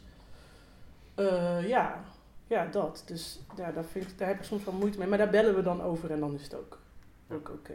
en ik kan me voorstellen als je hem zo goed kent, weet je, je ziet het ook in die kraaloogjes als hij dan gewonnen heeft, van dat hij eigenlijk wel aan je denkt. Ja, ik bedoel, die tranen zijn ergens ook voor mij. Mhm. Snap je? Dus ik, ik, die, dat, dat weet ik. Zo, dat voel je in je hart en dan, dan hoef je verder ook eigenlijk geen woorden aan vuil te maken. Dus ik weet ook, hij heeft het heel uitgebreid over die vader en al die foto's met die vader. Maar ja, sommige mensen staan zo dichtbij je dat je eigenlijk niet, het niet eens over ze hoeft te hebben. Niet eens met ze op de foto hoeft of hun naam hoeft te noemen ooit in je leven. Want die zijn er gewoon... eh, En ook gewoon desgevraagd, van dat je zegt van, oh, ik weet niet wie dat is, gehoord. ja, want dat hoef je niet te delen met de rest van de nee, wereld. precies. Dat Dus er is daar toch een soort, ja... Maar dat nummer eh, 33 race hij mee, dat is niet voor niets. Nee, dat is niet Dat voor weet niets. jij, eh, nee, dat goed, is... eh, Ja. Mooi. maar dat is, ja, dat heb je goed gezien. Dat is inderdaad geheim. Een soort inside joke van Max en ik. Ga ik ook niet delen. Nee, maar dat, daar moet ook ruimte voor zijn, vind ik, om dat niet te Toch, ja. zeker. Zeker. Dus eh, Ja. Het is wel zo'n open boek, die jongen, op heel veel punten. Ik vind ook dat hij wel Ja. het geheimen... ge- ja. ja, het is ook, eh, een mens eh, verdient zo zijn geheimen, vind Ja. ik. Ja. En ja, dat ik daar dan één van ben, is dan ook oké. Daar kan ik mee leven. Ja. Ja. Nee, ik hoorde je gisteren hierboven tekeer gaan. toen, eh, toen de finish, eh, ik weet niet hoe laat het precies was, maar alles trilde. Ja, Ja. ja, ja. Ja, dat was even een intens momentje ja, tussen Max en mij. Pjoe. Ja. Mij ook als eerste gebeld. Ja, ja. Ja, ja zeker. Ja, ja. En zeg maar, levert dat nog, eh de laatste vraag hoor, eh, nog, nog frictie op dat jij dan zeg maar zo lang en goed met Lewis Hamilton eh bevriend bent al? Lastig in die zin dat. Kijk, ik ben een van de ontdekkers van Hamilton geweest. Ik zag hem, oh god, was een braderie in Oxford. En dan zag ik een botse auto's. En ik dacht, dat wordt, dit wordt een grote. Dit gaat een hele grote worden. En eh, ik weet wel dat toen Simone hier kwam wonen, ik dacht, oei, ja. dat zou nog wel eens. eh, En dat is een puntje van eh, discussie geweest. Maar we hebben dat wel vrij snel, moet ik zeggen. eh, we gingen elkaar wat, ja, wat Formule 1 gedichten voorlezen, toch? Ja. Dat een mooie, Ja. ja. Dat was wel een verbindend, ja, een verbindend momentje. Ja. Ja. en wat natuurlijk ook heel veel heeft geholpen, is dat eh, toen wij allebei met onze klachten bij het, de Witse, het Witshuiscommissie kwamen, dat ze eigenlijk zeiden: ga nu maar heel snel weg, anders gooien we je eruit. Ja. Dat zorgde natuurlijk ook voor dat je je dan neerlegt bij je lot. Toen was het heel snel. eh, Dus ja, dat is een frictie eigenlijk wel uit de lucht. Maar we hebben ook nog wel het plan om Max en Louis ook hier in het Witse Huis erbij. eh ik had Klopt. ook wel een keertje EK zonder of iets. Of in ieder geval, Ja. dat, ja, Ja, met kerst. met kerst zou het mooiste zijn. Ja, dus Ja. dan zijn wij hier. Dus ja, jij gaat wel naar je ouders, maar je komt ook weer terug. Ik kom daar zeker voor terug. En nou, Louis is elk jaar ook even bij ons, bij mijn familie. En dan, eh, dit jaar weet ik, wordt druk. Eh, gaan, jullie dan, Skydiven. gaan jullie dan zijn haar vlechten? Oh nee, oh, dat doet mijn moeder al lang niet meer. Nee, nee, dat heeft ze wel heel lange, lange tijd gedaan, maar tijdrovend. En ze moet dat natuurlijk ook, Ja. ze moet ook al die eh, hapjes verzorgen. Ja, Voor mijn moeder is heel klassiek daarin, die wil dat dan graag Hij is zelf. vegan, toch? Is hij geworden, ja. Ja. Ja. Oké. Wij moeten nu Ja. naar is heel goed met Kimi Räikkönen. Ah, en daar dat is wil dan ik wel eigenlijk ook heel veel eh, over Ja. vragen. Ja. Eh, dank jullie wel voor dit openhartige gesprek. Graag gedaan. Graag gedaan. Ja. En fijne, fijne feestdagen ook. Ja, jullie ook. Hetzelfde. Met veel poëzie, veel fietsen. Moet ik daar iets aan toevoegen? Ja, nee, weet Oh, ik niet. eh, Ja, dat. Wat? Ja. Ja, recorder uit. Ik vind hem minder erg dan ik had gedacht. Oké, dat is minder, hij is minder zoet. Hij is minder zoet dan die van mijn moeder. Proost jongens. Proost. Het is een eh poëziepodcast. Ja, dat klopt. Maar in deze aflevering het minst van het hele jaar. Oké, oké, dat is goed. Dat is, eh, dat is goed. Ja, want hou je niet van poëzie? Jawel, jawel, ik hou wel van poëzie, maar ik ben nog een groot kenner. Nog een heel gericht liefhebber. Ik bedoel, ik kan wel echt genieten van een goed gedicht, maar ik, ik lees zelden poëzie. Eh, ik zit er gewoon niet zo goed in. Ik weet niet wat dat is. Ja. Ik ben, een, eh, toch meer een proza-lezer. En ik weet ook niet, ik, hoe ik gedichten lees, is meer, ik heb ook, het is ook echt een schaamtevol, een beetje verwaarloosd hoekje in mijn boekenkast, poëzie. Af en toe loop ik daar naartoe en dan pak ik iets wat ik een beetje ken en blader ik daar een beetje doorheen. En, eh, en dat is het dan. Dus eh, dat is, daar moeten we mee beginnen met die bekentenis. Ja, ik, ehm, vind het altijd... Ik lees nooit essays. Nee, En ook eigenlijk geen toneel. dat doe ik dan weer wel. Ja, dus eh, zo, zeg maar, het is, volgens mij is altijd een soort trade-off. En het is niet dat, je, niet dat je niet van toneel of van essays houdt. Of wel? Hou je niet van essays? Dat kan ik me ook wel weer voorstellen. Ja, op zich in, in theorie meer dan in de praktijk. Want ik kan me bijvoorbeeld wel echt heel erg verheugen op, op dan denk ik, oh, een essay van X over Y. Leuk. Maar dan ben ik het aan het lezen en dan denk ik toch een beetje, ah, dan zit ik weer een essay te lezen. Maar goed, dat ik bij sommige gedichten ook. Dus wat dat betreft. eh, ik denk, je kan, niet, je kan denk ik niet alle genres altijd bijhouden. Dus het is een trade-off. Ja, er zit ook voor het gevoel dat je ergens echt over mee kunt praten. Het idee achter dat je, dat je het zou moeten bijhouden. Dat je weet wat er gebeurt. Dat is dan inderdaad, dat met proza meer. En dan, ja, dat, ik denk dat het inderdaad in dat bijhouden zit. Dat probeer ik wel te doen. Met romans bijvoorbeeld. Een beetje een idee te krijgen wat mensen om me heen schrijven. En ik ben ook geen dichter. Nee, dat scheelt natuurlijk ook. Echt geen, echt geen dichter aan mij verloren gegaan. Heb je nooit een gedicht geschreven? Jawel, jawel, jawel. En altijd als ik heel erg knallende liefdesverdriet had, dan schreef ik gedichten. Dan kwam ik dronken thuis en dan schreef ik eh smachtende gedichten. Maar die waren niet eh, publicabel. Nee, die zijn verschrikkelijk. die zijn verschrikkelijk. En, ik moet wel voorzichtig zijn met wat ik zeg, want dit is nog wel na te gaan. Ik, ik heb dus een tijd heel veel liefdesverdriet gehad, toen ik zeg maar een jaar of 13, 14 was. En toen heb ik dus ook veel gedichten geschreven. Dat is ook de laatste keer.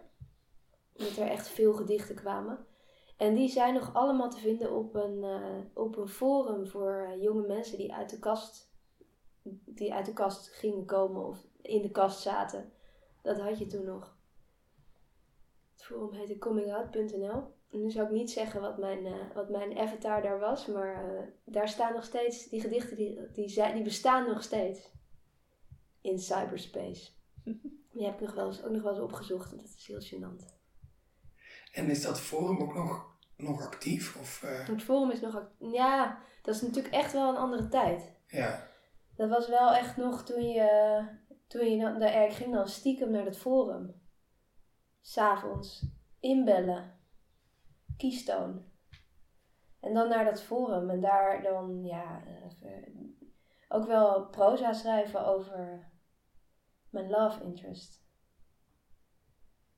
En, eh, en het leed wat ze mij berokkende. die, die love interest, die heb ik, daar heb ik nu overigens weer contact mee. Dat is een van mijn beste vriendinnen geworden. En die, eh, die heb ik volgens mij die gedichten ook nog wel eens... Ik heb ook wel een beetje gecureerd hoor, maar wel eens laten zien. Daar hebben we daar samen om gelachen. het is toch een soort eindgoed al goed dan. Een beetje, ja. Ja, maar als ik dat nu lees, denk ik niet eindgoed al goed hoor. Dan, dan zie ik vooral dat ik heel erg, eh, heel erg beïnvloed was door allerlei. eh, Ik denk ook wel dat ik toen poëzie las. Ik geloof dat ik toen dat, ik, dat we met, met, met school rond die tijd Baudelaire lazen, bijvoorbeeld bij Frans. En dat ik daar wel lekker op ging. Dat zwelgende, zelfmeelijdende, zelfkant soort. Ja, eigenlijk het cliché van poëzie bijna. Dat is wel voor, voortreffelijke poëzie voor op die leeftijd, denk ik. Ja, wat vind jij daar nu van? Als je nu de- bijvoorbeeld Le Fleur du Mal leest, wat, denk jij dan, wat is dit voor kitsch? Als- Mm, Als kenner? Nee, want, want je moet het wel in zijn tijd zien. Maar, maar ik vind het wel moeilijker om er dan in mee te gaan. Ja. Dat die, die rationele kanttekening, die kan ik wel maken van, goh ja, als, als, als dit nu bij Tirade binnen zou komen als nieuw werk van een beginnende dichter, dan zou ik zeggen, nou, eh eerst maar verdimmen. Eh, maar zou je, dan, zou je dan zien dat hij wel talent had? Ja, weet ik niet. Zou je Zou, dan zou denken- iemand een keer uit moeten proberen. Ja. Gewoon een paar gedichten van, eh, van Baudelaire onder pseudoniem insturen. En dan voor De publicatie wel zeggen dat je plagiaat aan plegen bent, want anders dan wordt het een probleem. Ja. Maar ik ben ook wel altijd heel bang dat mensen dat gaan testen hoor. Dat ze dan, eh, weet ik veel, allemaal onbekende gedichten van eh Komrij die ik, niet, die ik dan niet ken. Dat zijn er heel veel natuurlijk. Ehm, die dan stiekem opsturen. Ja, de snoptest. Ja, Ja. Wat sommeliers volgens mij ook met wijn doen. Dat ze dan als mensen een beetje hoog van de toren blazen over wijn, dan geven ze bocht. En als mensen dan zeggen, oh ja, nee, hartstikke lekker. Dan kan je zien, dan kun je zien wie de snop zijn en de echte kenners. De, de lijn is vaak dun natuurlijk. ja, dat is waar. Omdat je ook, zodra iemand dan ja, tot kenner bombardeert, dat doe je bijna nooit zelf. dan heb je ook iets hoog te houden natuurlijk. Want je gaat er op een gegeven moment dan wel in geloven. Ja, want jij zegt dan net, wat vind jij als kenner? En ik ben dan het punt voorbij dat ik zeg, nou, nou, kenner, nou, nou, nou. Ook omdat dat ook gewoon, ook omdat dat ook gewoon kut is om te doen. Dan ben je Ja. eigenlijk misschien wel een grotere snop. Ja, Maar dan heb je vervolgens, heb je dat wel, als je, dat, als je daar niet tegen protesteert, dan heb je het ook hoog te houden misschien. ja. Ja, ik geloof wel in kennerschap hoor. Ik kan zelf denk ik ook wel zien of een gedicht echt slecht is. Of dat het ermee door kan. Hoewel. Ik denk dat ik over veel gedichten van Gerrit Komrij wel zou zeggen. Het is, het is heel goed, maar er moet nog wel wat redactie overheen. ja, precies. Die is namelijk ook, Ja. Dat is ook altijd wel een veilige keuze. Ja, dat is een veilig, veilig oordeel. Daar had een redacteur overheen gemoeten. Dat, oh, dat ik zeg dat vaak over romans. Oh, daar had een derde uitgekund. Ja, Dat is ook zo, dat is een beetje een dooddoener eigenlijk. Het is wel, het is wel vaak zo. Kan je dan ook zo'n roman openslaan en dan aan de bladspiegel zien of het een goed boek is of niet? Of het een boek is waar ik zin heb om te lezen, wel zo'n beetje. Want boeken zonder. Je hebt wel eens. Ik, ik had laatst, ik weet eigenlijk niet meer wat, het precies was, maar dat was een heel nadrukkelijk stream of consciousness-achtig. Zo'n vierkante bladspiegel. Weet je wel, daar zaten geen alinea's in, geen witregels. En daar word ik dan toch niet blij van. Dan denk ik toch, oh ja, dit wordt werk. Ja, Dat zie je dan meteen. Het hoeft niet per se. Ik bedoel, het kan ook goed uitpakken, maar het is niet, het is niet stimulerend. nee, ik krijg er geen, eh, geen trek van om het eh, te gaan lezen. nee, ik krijg er geen trek van. Ik vind poëzie trouwens ook wel een heel goed genre, maar je ging het volgens mij in de vorige kerstspecial ook heel uitgebreid over, dus ik kan er niet te lang bij stilstaan. Maar een heel goed genre voor op de wc. Als je daar gewoon een paar poëziebundels neerlegt, daar ben je dan toch redelijk kort, ongeveer de duur van een gedicht. en, dan, en dan kan je dat even, heb je toch weer een gedicht gelezen die dag. Ja, nou nu heb je je snobisme wel definitief eh, Ja, wel? ontwapend. Oh, ontwapend. Oh, Ja, ik dacht onderstreept. Ja, nee, helemaal niet. Nee, dat is toch juist, dat, zo doe je dat. Zeggen, ja, ik ben een kenner, maar dus ook voor op de wc. Ja. ja Het is wel een goed idee hoor. Ja, wij hebben een gumba op de, tv, op, de, op de wc. Oh ja, dat is ook een goeie inderdaad. Maar misschien moet ik, die, misschien moet ik gewoon een poëzieplankje op de wc maken. Het past, wat ik nu heb, kan ongeveer op één plankje op onze wc. Ik ga het gewoon doen. Ja, Yes. Dat is een goed idee. Ja, want anders staat het daar maar. Ja, dat is waar. Dan kan je het inderdaad beter, eh, eh, ook voor je gasten, weet je, die denken dan toch, oh, oh, oh, die nou heeft oh, poëzie op de wc. Die staan er nog goed op ook bij je bezoek. Ja. Zelfs op de wc staat poëzie. Zo, maar dat is dan alles wat er is. ja. En ben jij een kerstliefhebber? Eh, ja. Veel meer dan Sinterklaas. Het komt misschien door de poëzie bij Sinterklaas. Nee, ik vind, echt, eh, ik vind Sinterklaas echt heel stom. En het gekke is zelfs dat ik sinds die Zwarte Piet discussie in als een hevigheid is losgebarst, denk ik soms ook echt, doe maar weg met dat hele feest gewoon. Vind ik prima. Maar kerst, dat vind ik wel, eh, vind kerst wel fijn, ja. Ik wil ook altijd een kerstboom. Volgens mij is dit de grootste kerstboom die we gezien hebben. Ik denk het. Echt? Dat is Ja. wel slecht voor de, voor de staat van kerstmis. Want dit- deze is echt niet groot. Nee, het is niet per se is ook een hele grote kerstboom inderdaad. Maar nee, want eh Maxime had een hele kleine. Anneke Braska had er geen, want die wordt kwaad van kerst. Ja, wat, wat, wat zei die over kerst? Ja, dat ze er ook altijd boos van wordt. En omdat ze Waarom zich wordt ze dan, er boos van? dat ze zich dan opgesloten voelt. Met de familie. Ja, dat je dan met je Oh, familie binnen ja. moet blijven de hele dag. Ja, maar dat heb ik ook wel. hoor. Dat vind ik niet fijn. Ik vind het, de kerst zelf heel, eh, heel benauwend. Het is meer de Maar idee De kerst. tijd eromheen. De kerstboom, de donkere dagen. Eh, kerstmuziek. De muziek. Ja, de muziek zeg maar tot de jaren 60. Oh ja. Niet Da- daarna. Daarna haak je af. Bij mij gaat altijd in de 50s kerstlijst aan. En dat is gewoon ook elk jaar hetzelfde. Maar de dagen zelf, ik weet ook niet of ik daar nou zo van geniet. En van, maar had ze ook een soort van ideologische bezwaren tegen kerst? Daar ben ik dan wel benieuwd naar. Dat viel geloof ik wel mee. Dat kan, kan ik me wel, zou ik me wel heel goed kunnen voorstellen. Volgens mij was het echt dat, dat, dat bijna kinderlijke, die kinderlijke drang om er tegenaan te schoppen. Ze had ook wel eens een keer, een jaar had ze met kerst heel hard de Matthäus Passion gedraaid, gewoon om te fucken. Met alle ramen open. Maar of ze nou echt ideologisch een probleem had met kerst, was volgens mij echt puur, puur persoonlijk. Zuurheid, kerstzuurheid. Gewoon van Ja. die mensen die zeggen, ja, daar ga ik niet aan meedoen, aan die gezelligheid. Ja, Ja, weet je van, je zou het niet nodig moeten hebben om, om zoiets te doen of zo, toch? Of, Ja. ja. ik weet het niet. Ja, ik kan daar eigenlijk wel in komen hoor. Ik kan- begrijp dat wel, maar ik ben dus ondanks mezelf toch wel, eh, als ik eerlijk ben, een liefhebber van deze tijd. Ik vind, ik hou ook wel van het eindigen van het jaar.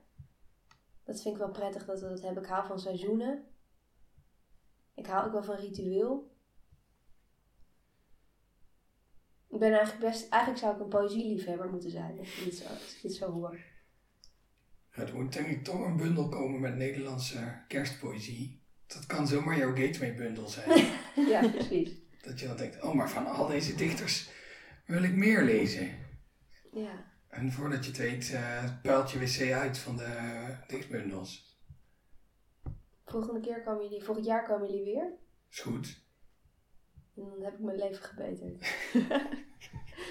Maar dan helemaal geen tijd meer om, om proza en essays te lezen. Nee. En toneel.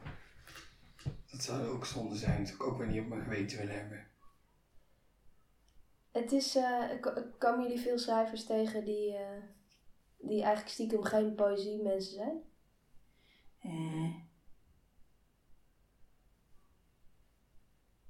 Ja, ik heb wel het idee dat veel schrijvers die zelf alleen proza maken, publiceren. Ja, dat zijn dan over het algemeen ook de mensen die zeggen: Ja, ik lees eigenlijk niet zoveel poëzie. Mm. Dat, dus, dus misschien dat poëzielezers ook bijna altijd poëzieschrijvers zijn. Ja. Of andersom, dan maakt het niet uit. Maar eh, ja, maar dat is natuurlijk niet zo. Want je hebt natuurlijk ook een heel populair gedichtenpubliek, toch? Ik bedoel, er is heel veel... ja, ik bedoel, ik bedoel echt onder, onder publicerende schrijvers. Onder publicerende schrijvers, ja. Ja. Ja, ik zit ook even te denken, want eh, ik heb Nederlands gestudeerd, net als jij, toch? Ja, wij samen zijn- zelfs. Samen zelfs, ja. En ik vond tekstanalysevakken, waarin het heel vaak ging over het analyseren van poëzie, heel erg leuk. Dus het soort exegese en tekst close readen en poëzieanalyse, dat heb ik altijd heel erg leuk gevonden. Om dat te doen. Misschien kwam dat ook door de soort van schoolse, hele structurele manier waarop we dat leerden. Kun je je dat herinneren? En weet je nog welke methode we ook hadden? Literair mechaniek. Ja, precies. Ja. Ik weet niet of ik dat boek nou per se... Oh, dat is mijn vriendin. Oh.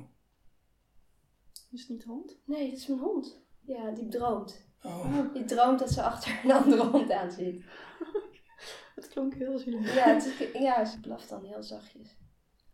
Ja, literair mechaniek. Wat houdt dat in? Maar wij hadden ook wel het geluk dat we dan die colleges kregen van Ira van Dijk. Dat, dat, was, dat scheelde misschien heel erg. Die Ja. eh, echt heel erg gloedvol over witregels kon vertellen. Ja. Ja, maar ik heb, ik heb daar wel, eh, daar moet je echt een keer langs gaan, ja. En ze is nu heel erg bezig met onderwijs volgens mij. En dat was inderdaad wel, dus het hangt ook heel erg af van iemand in de buurt hebben we met wie je op een, op een goede manier over poëzie kunt praten. En, en ik, maar ik denk dus ook heel erg, en dat dacht ik bij dat college heel erg, ik dacht er laatst nog een keer aan terug, dat iedereen baat zou hebben bij zo'n soort college. Want het ging gewoon heel erg over hoe geef je betekenis aan dingen. En ik heb er ook nog wel eens over nagedacht in de context van, gek genoeg, complottheorieën. Dat ik me ineens realiseerde, jezus, is echt enorme behoefte van mensen om aan allemaal schijnbaar ongerelateerde dingen betekenis te geven, om die met elkaar te verbinden op de meest creatieve manieren. Dat gebeurt nu heel destructief, door op het internet allemaal onzin te verspreiden. Maar misschien moeten deze mensen gewoon eh, bij Ira van Dijk een cursus eh, literaire mechaniek gaan volgen. Plottheorie als een soort close reading van de werkelijkheid. Dat Vind is het- een eh, dat is het natuurlijk wel. inderdaad. Eigenlijk is het een soort, het is een vorm van, ja, het is close reading. Ja, je gaat er inderdaad vanuit dat elk minuscuul detail belangrijk is en een betekenis heeft. En dan op zoek naar die betekenis. Precies. En ook los van wat, wat, wij dan, wat je dan als student heel erg leert, dat, dat de auteursintentie daarbij van, van ondergeschikt belang is. En dat hoor je nu natuurlijk in, in extreme vorm overal terug. Van ik, ik doe mijn eigen onderzoek, ik heb mijn eigen waarheid. Dat vonden wij allemaal hele mooie poststructuralistische theorie. Dat is nu gewoon eh Duitse Kroes haar Instagram. Best poëtische manier van leven dus eigenlijk. Ja, precies. Best poëtische manier van leven. Ja, ik vind het, ondanks het feit dat het niks zegt over het, over het gevaar ervan, wel de meest geruststellende manier om er naar te kijken.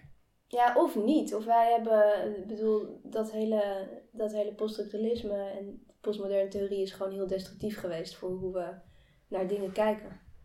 Ja, dat zou Je kan daar ook heel conservatief van worden. Maar dat het heel verleidelijk is om, eh, om dingen te, te kunnen lezen op je eigen manier en om, eh, om puzzels te maken van de onsamenhangende werkelijkheid. Die dan te leggen, dat, dat, dat, je, dat daar plezier uit te halen valt. Dat, is overal, dat zie je overal wel. En ook buiten poëzie om. En ik denk misschien bijna dat het, dat het soms, om dan naar een papier te gaan zitten kijken waar die, waar die regels zo op staan, dat het, er, dat het er soms een soort van beperkt tegen afsteekt. Tegen, Tegen- complottheorieën. Nee, tegen, tegen het plezier van betekenis geven aan dingen zoals je ze ervaart. Ja, en tegen complottheorieën, maar ik vind in essays, om ze te schrijven en om ze te lezen, heel fijn om dingen naast elkaar gelegd te zien die, waarvan je aanvankelijk denkt, die, die dingen horen niet bij elkaar. Om daar verbanden tussen te leggen die, die, eh, die niet voor de hand liggend zijn. En dat zijn wel manieren van denken die volgens mij een beetje daar zijn oorsprong vinden in die, eh, in die lessen poëzieanalyse. Ik denk wel dat ik er veel aan gehad heb. Dus eigenlijk moet het, eh, is het ondankbaar dat dat, eh, dat dat plankje er nog niet is. Het, het Ira van Dijk plank. Ja, precies. Misschien moet je een officiële opening organiseren. en Ira ook uitnodigen. Dat doet ze vast. dan moet jij het lintje, dan moet Ira het lintje komen knippen en dan moet jij een, eh, moet jij een toespraak komen Dat houden. is goed. Dat lijkt me echt heel leuk. Weet je al waar, waar je het over gaat doen dan? Ehm, ik denk over de, de poëzie als, als ge- geneesmiddel voor complotdenkers. Oh ja, Dan, ga ik, dan steel ik gewoon jouw idee. heel dat is ook heel, heel eh, des dichters. En dat ga ik dan helemaal uitwerken. En dan, wat ik er ook namelijk interessant aan vind, is dat wat er vaak misgaat bij eh, nou ja, poëzielezers, wil ik zeggen, maar eigenlijk ni- niet poëzielezers, is dat mensen er te snel van uitgaan dat ze bedonderd worden door zo'n gedicht. En, en zich, niet, zich niet realiseren dat, dat wat er staat, dat is opzettelijk zo geschreven door iemand met de wens om begrepen te worden. En als dat niet meteen lukt, dan is dat niet omdat je belachelijk gemaakt wordt door die dichter, of omdat die dichter enorm veel intelligenter is dan jij, of jou in het gezicht wil wrijven dat hij enorm veel intelligenter is dan jij. Dan is het omdat je misschien nog niet lang genoeg gezocht hebt. Ik kan heel boos worden voor cryptogramma die ik niet begrijp. bijvoorbeeld. maar dat is eigenlijk is dat heel, is, slaat dat nergens op. Want die zijn gemaakt met het specifieke doel om mij ze wel te laten begrijpen. Ja, maar er is wel volgens mij een belangrijk verschil tussen een gedicht wat je op het eerste, waar je op het eerste gezicht helemaal niks van begrijpt. En een gedicht waar al meteen een soort verleiding van uitgaat. En dat je dan dat je wel het gevoel hebt, er wordt hier, er wordt hier iets verteld. Ik weet nog niet precies wat, maar it sounds good. Ik wil hier meer van weten. Ja, je moet de juiste, het juiste aantal sterren bij je crypto hebben. Precies. Als jij een twee sterren crypto mens bent, dan moet je geen vier sterren crypto bundle kopen. Nee. Nou, dan kunnen we het woord bundel bewaren en de rest ja. met poëzie vervangen en dan zijn we er. ja. Maar die boosheid zie je. Mensen worden, is mijn ervaring tenminste, dat mensen wel eens gewoon boos worden van poëzie. Omdat ze het niet begrijpen. Ja, ik denk ook omdat ze het dan pretentieus vinden.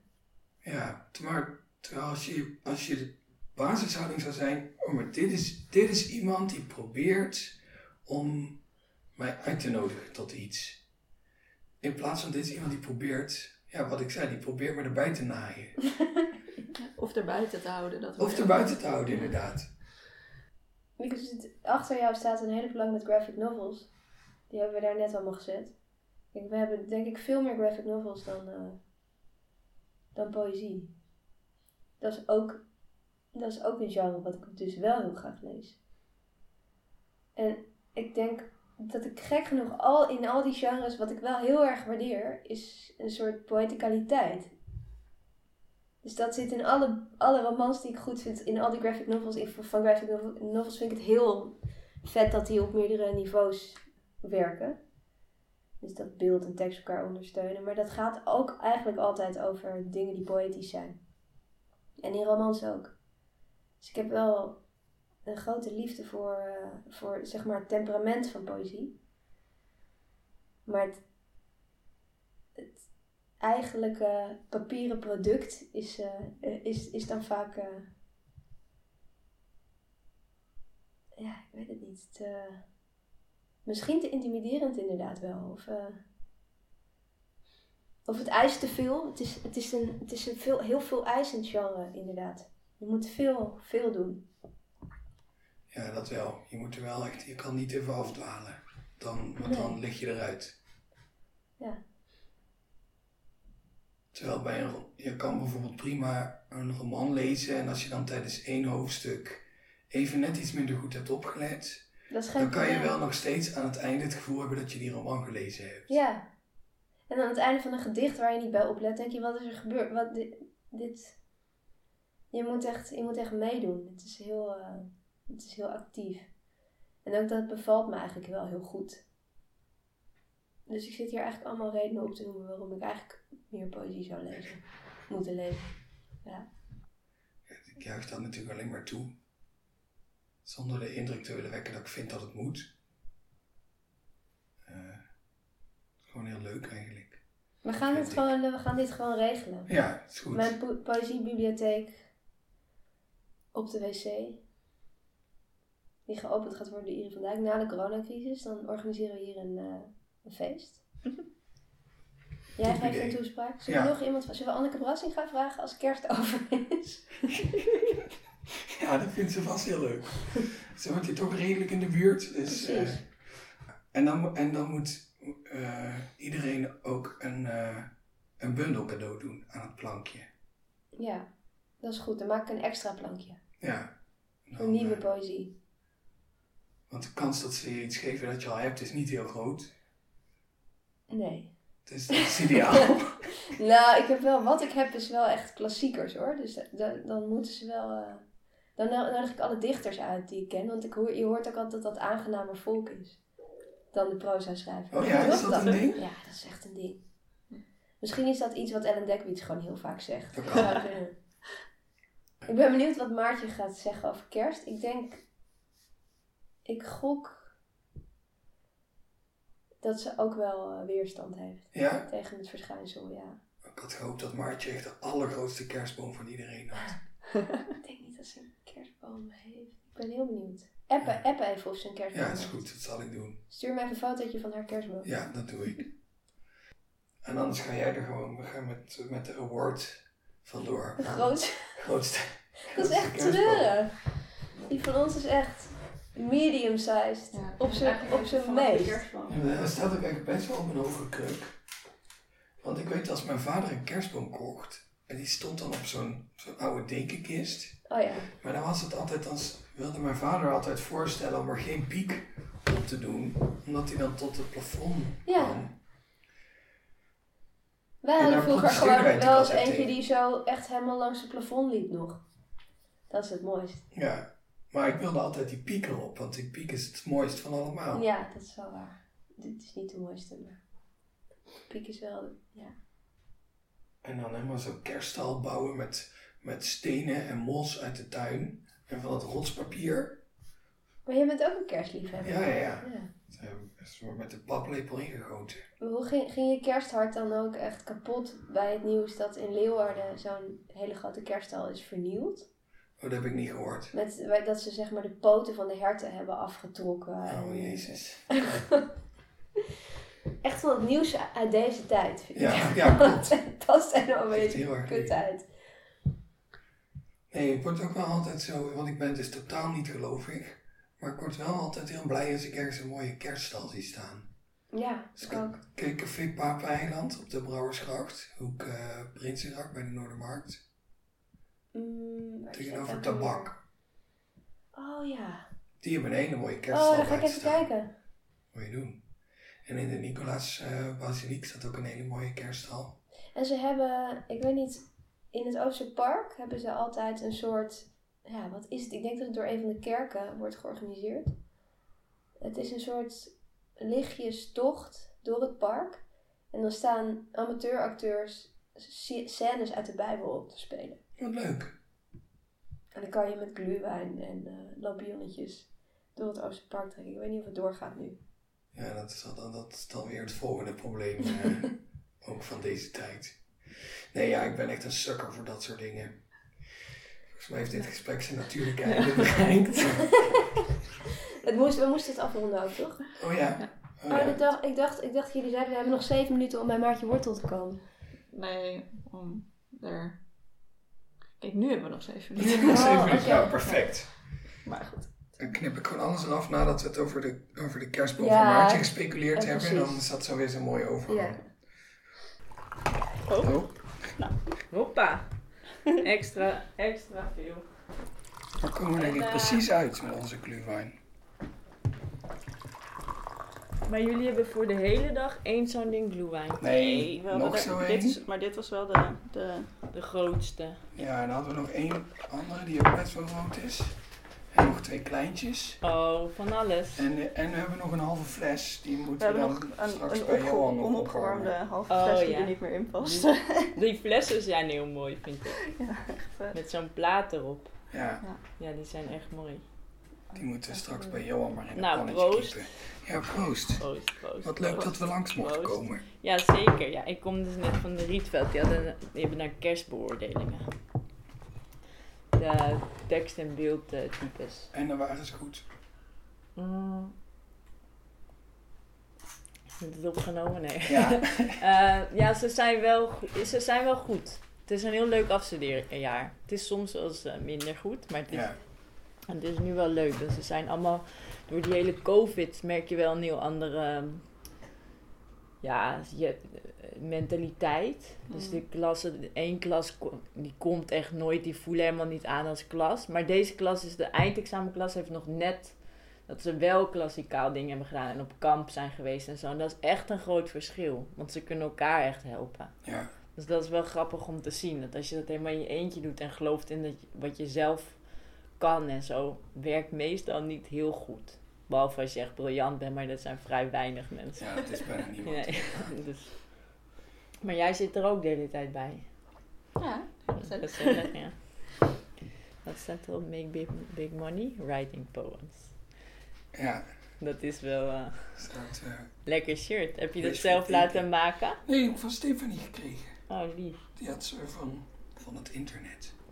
Stephanie is wel echt een gek, hè? Ja. Ik hoor van iedereen ook dat Stephanie de beste redacteur is. Zo eh, uitgebreid en diepgaand en precies en snel en efficiënt. Weet ik veel wat werkt. Echt, ik hoor alleen maar goede berichten. Leuk. Ik dacht, ik geef je vriendin even wat credits. Ja, heel goed. Ja, Dat zal ik haar laten horen. Ja. Dat zal ze leuk vinden. dat is goed. En Nina vindt het een prachtexemplaar in. Oh, dat is heel fijn. Vind ik ook. Vooral de ballen die er allemaal in hangen, vind ik zelf. Ben ik tevreden over. Toekan van Van der Valk. Eh, hele rare vissen. Even kijken. Een regenboog. Een regenboog, ja. Ik heb ook allemaal cadeautjes gekregen, vosjes. En ik ben het zelf, ik weet niet, vroeger had je gewoon van die bomen, ik weet niet hoe dat bij jullie thuis was. Maar met al die paddenstoeltjes. Ja. Daar, daar word ik altijd om uitgelachen, maar dat was bij ons altijd. Want er hingen altijd alleen maar paddenstoeltjes in die boom. Ja, wij hadden ook wel paddenstoeltjes, maar ook ballen, maar ook paddenstoeltjes. Ja, Ik En had een bal als paddenstoel. Zeg maar, Oh. aan een touwtje. ook zeg maar. nog. Maar waar komen die paddenstoelen eigenlijk vandaan? Als waarom hangen die Ja. in een boom? Toch? Ja, dat weet ik eigenlijk ook niet. Nee, het heeft ne- nergens echt iets mee te maken. Denk ik, maar ik weet het niet. Veel. Maar ik ben blij dat ik de grootste boom heb. Ik ben ook blij dat Nina Polak onder de indruk is. Ja, Maar Nina Polak dacht dus wel dat je geen boom zou hebben. Dat vind ik wel soort- vreemd. Want Nina Polak komt hier altijd wijn drinken. En ook rond kerst. En dan heb ik altijd een boom. Sterker nog, ik heb nu weinig versiering. Ik heb altijd een mistletoe en weet ik veel, de hele eh, mikmak. Lampjes op mijn balkon, lampjes in de slaapkamer. Ik ga er wel voor. Ook al hou ik niet per se van kerst. Oh, dat is interessant. Ja. Dit gaan we verder uitdiepen. Ja, ja. ik ga gewoon over mijn eigen angsten heen. Zet ik kerstbomen neer, zodat ik er doorheen kom. Ja. Heb jij een kerstboom? Nee, Jij? Oh, Nog niet. hij maakt een raar geluid. Ja. Hij moet nog mee vanuit de kelder, die van ons. Oh, zo'n nep, een kunstboom, ja. Oh, ja. Dat is wel echt een uitkomst. Heb jij altijd een echte? Ja, dit is echt een heerlijk gesprek. Of ik altijd een echt... Ja, ik heb altijd een echte... Oh ja. Ja, ja. Hoe doe je dat met die naalden dan? Ja, Die veeg ik op. Maar normaal, ik, heb net, ik ga morgen dus een week naar een huisje. Dus ik heb mijn kat, ik heb twee katten. Die heb ik naar mijn vader en moeder gebracht. Want die slopen wel die hele boom. Dus daarom hangt er, normaal hangt er toch zo lelijk, eh, zo'n soort, of is dat dat engelaar? Zo'n lint in. Met, Oh met, ja. Maar als dat erin hangt, dan gaan ze helemaal los. Dan ligt die boom echt meteen om. Dus dat, dat, daarom zijn die, is dat er niet in. En dit, het valt mee met de naalden als de katten thuis blijven. Want die Oh ja. tikken alles, eh, alles eruit. Ja, daar thuis dus blijven, geen weg boom blijven. Door de kat. door de kat. Ja, die katten worden helemaal wild hè, ervan. Het is ook natuurlijk gewoon, ja, je had een boom in huis. Dat is ook best wel... Eigenlijk vind ik het ook wel zielig. Omdat dan, nou, ja, nu heb ik ook dan een boom zonder kluit. En dan denk ik, ja, ik heb gewoon een dode boom in huis. Voor mijn plezier. Terwijl ik dan eigenlijk bijvoorbeeld de hele tijd ben tegen kap. eh, de kap van de, weet ik veel, wel welke bos dan ook. Dus het slaat nergens op. Ik luisterde vandaag een podcast waarin ze gaan uitleggen hoe lang die bomen dan gegroeid hebben. Dus ik denk En? dat deze wel eh, Echt twee lang? meter was, eh, tien jaar of zo. Dus, Echt? Oh, nou is mijn geweten sorry, sorry, had ik niet goed. echt... Ja, ik heb een boom van twee jaar. Tien. Tien jaar.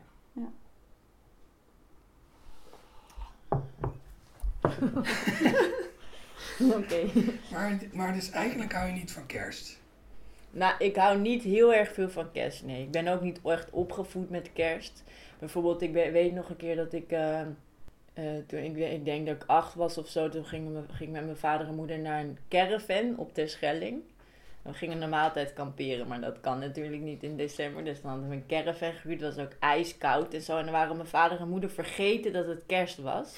Dus alles was dicht. En toen hebben we op Terschelling bij zo'n tankstation een, eh, een blik knakworsten gehaald. En toen hebben we in die caravan knakworsten gegeten op eerste kerstdag. Maar dat is...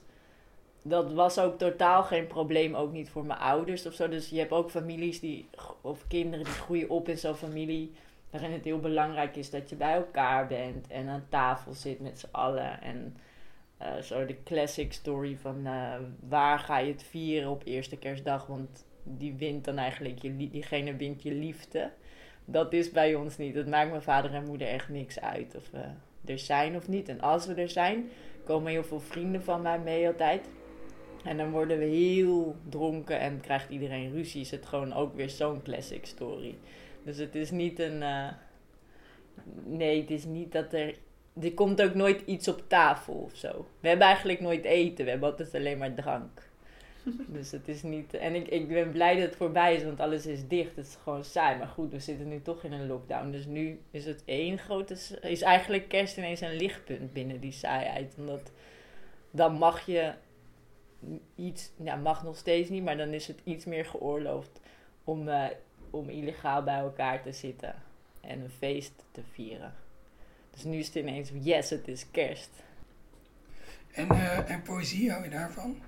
Ik hou heel veel van poëzie. Meer dan van kerst. Veel meer van poëzie dan van kerst. Al, ja, al wat ik al zei, ik ben wel iets meer van kerst gaan houden. Maar ik weet niet wat het is. Ik denk dat ik er van, maar zowel van kerst als van poëzie dan. Ik word er heel melancholisch van. Dus eigenlijk wil ik, ik vind het wel mooi of zo. Het is ook wel, ik vind, ik hou in zekere zin ook wel van zo'n bijbels verhaal. En van alles eromheen, van het ritueel. En ook wel, natuurlijk is het soms fijn om iets gezamenlijks te hebben of zo, waar je in kan geloven of dat je met elkaar kan zijn. Dus of, dat soort dingen. En dat is, dat is ook misschien de kracht van poëzie, dat je iets gezamenlijk, tenminste als je van poëzie houdt dan, dat je dat samen kunt lezen of ervaren en dan toch allemaal op een soort mystieke manier. In zekere zin is dat het meest mystieke in taal, denk ik, poëzie.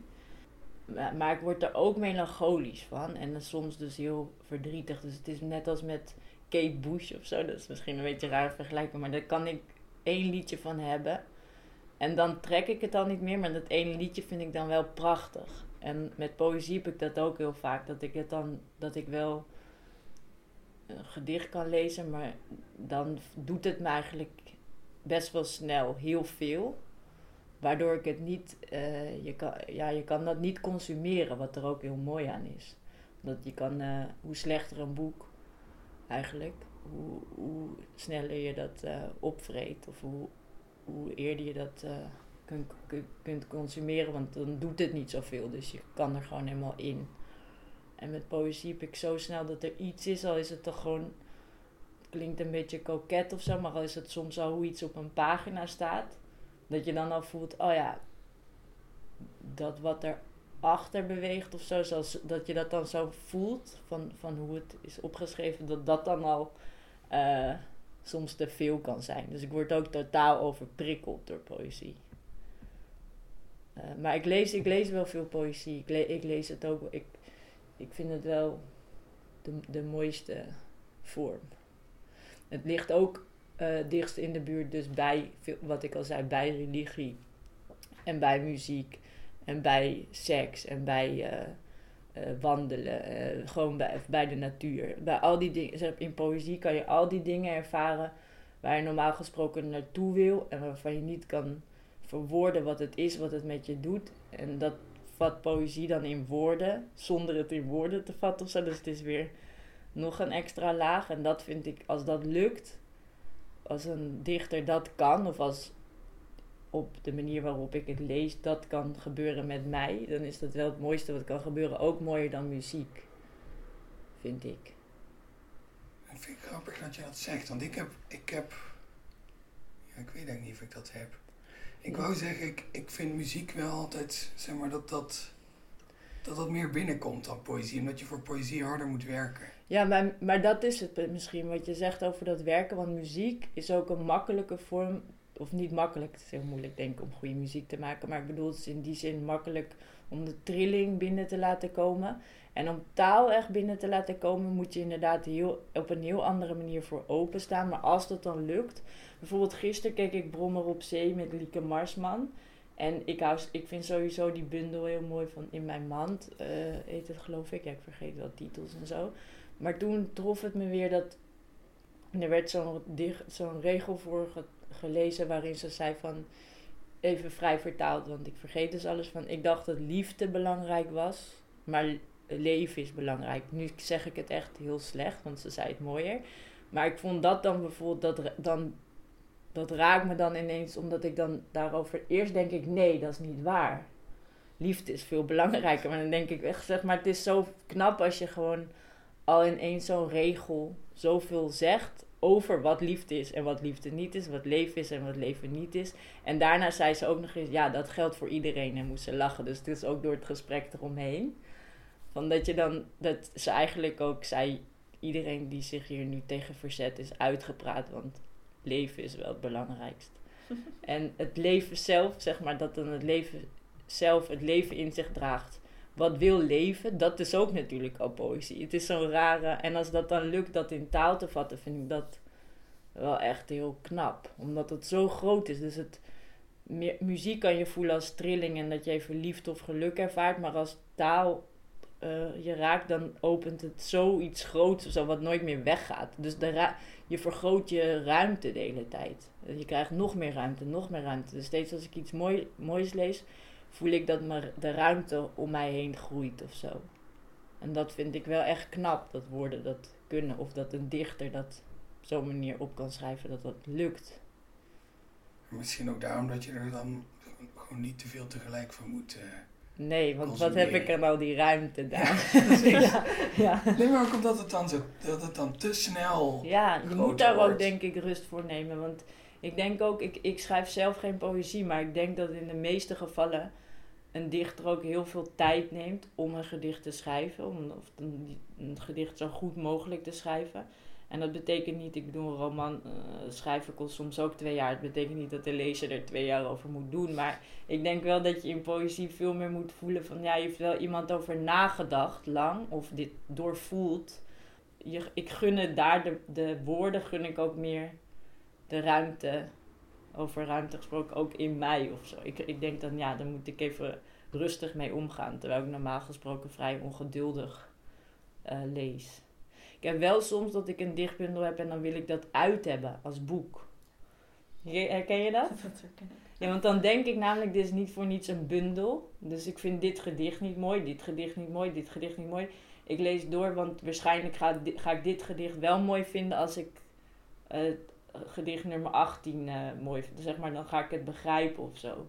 Dus dat, dat heb ik dan wel. Dat, je, dat heb je natuurlijk in een dichtbundel vaak, dat die verbanden gelegd moeten worden. En als je dan iedere week eentje pakt, ja, ik vergeet dus heel snel iets. Dus dan ben ik het vergeten. En dat is zonde ook vaak. Kan je het wel weer opnieuw lezen alsof je het voor de eerste keer leest? Dat wel, ja.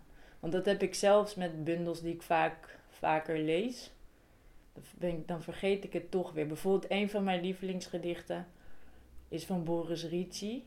Dat is van eh het Lego-gedicht. En eh, als, als, die, als ik van huis ga, zo, dan geef ik je Lego. En eh, mocht het niet lukken, eventueel, dan bouw je zelf maar een prachtig kasteel. Zoiets eindigt het. Maar ik weet nog dat ik dat voor het eerst las en dat vond, ik vond dat... Daar moest ik, ja, dat is ook zo. Maar daar moest ik toen om huilen. Maar dat kwam in combinatie met de documentaire die ik had gezien van Iolona van der Horst, deed zij, geloof ik. En zij had een documentaire gemaakt. Ja, eigenlijk vooral met beelden van zijn omgeving. Hebben jullie die documentaire gezien? Dat is heel mooi. Ja, het is gewoon met, orke gewoon met een dronken Russisch orkest door de sneeuw. Gewoon, en dan die flat waar hij is opgegroeid. En eh, zijn zoontje werd eh, ook gefilmd. Dus ik had dat allemaal wel in mijn hoofd, die achtergrond erbij. En dat hele keiharde Russische en dat treurige. En dan dat iemand dan voor zijn kind Lego, om het goed te maken, Lego wil kopen. En als dat niet lukt, dan de gedichten overlaat of de taal overlaat. Dat vond ik dan ook van zo'n grote vitaliteit van de mens of zo getuigen. Dat, ik da- dat raakte me heel erg.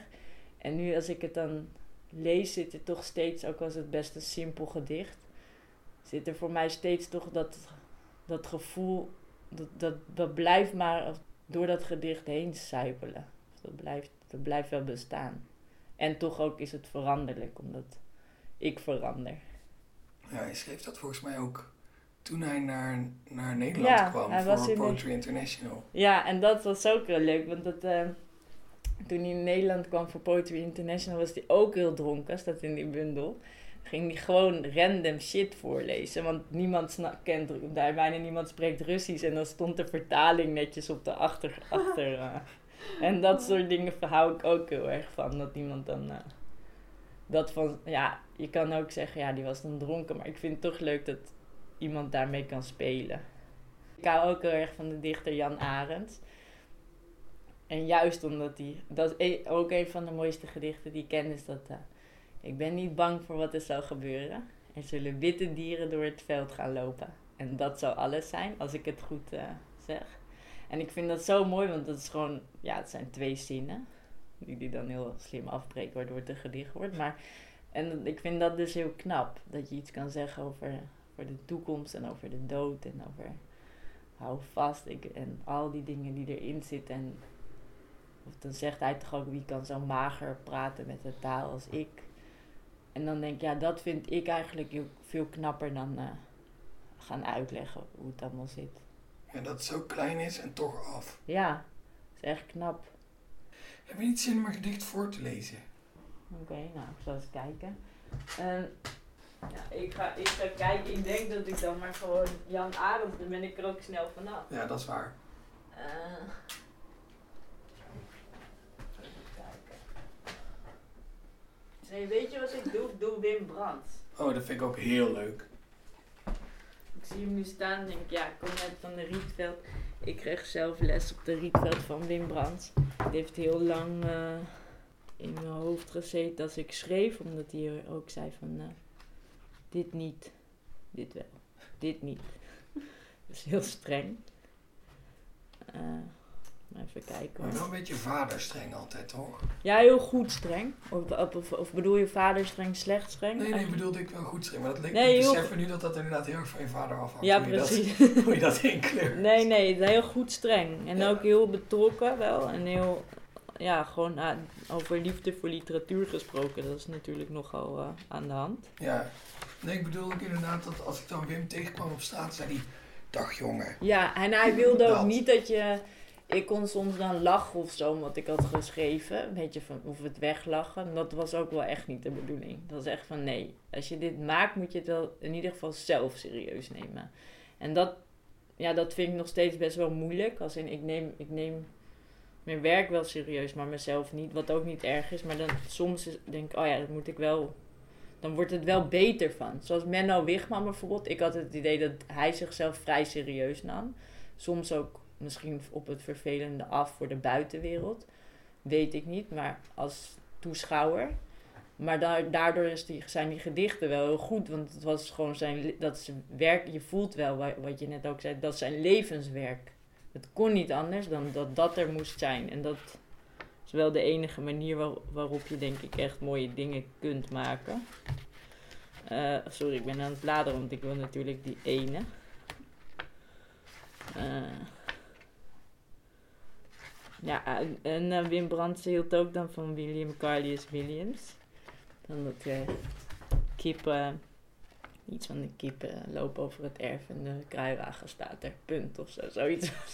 En niemand in de klas snapte dan dat hij dat heel mooi vond. Echt van, ja oké, maar als wij schrijven de plan staat in de ven- vensterbank en de kat miauwt, is het niet goed, waarom dan niet? dat is een... eh, Oh ja, deze vind ik heel mooi. Ben je een bezoeker? vroeg de hond. Ja, antwoordde ik. Slechts een bezoeker? vroeg de hond. Ja, antwoordde ik. Neem me mee, zei de hond. Dat is mooi toch? Nog één? Ja, is goed. En dit, de- deze heeft een titel, heet Nauwelijks.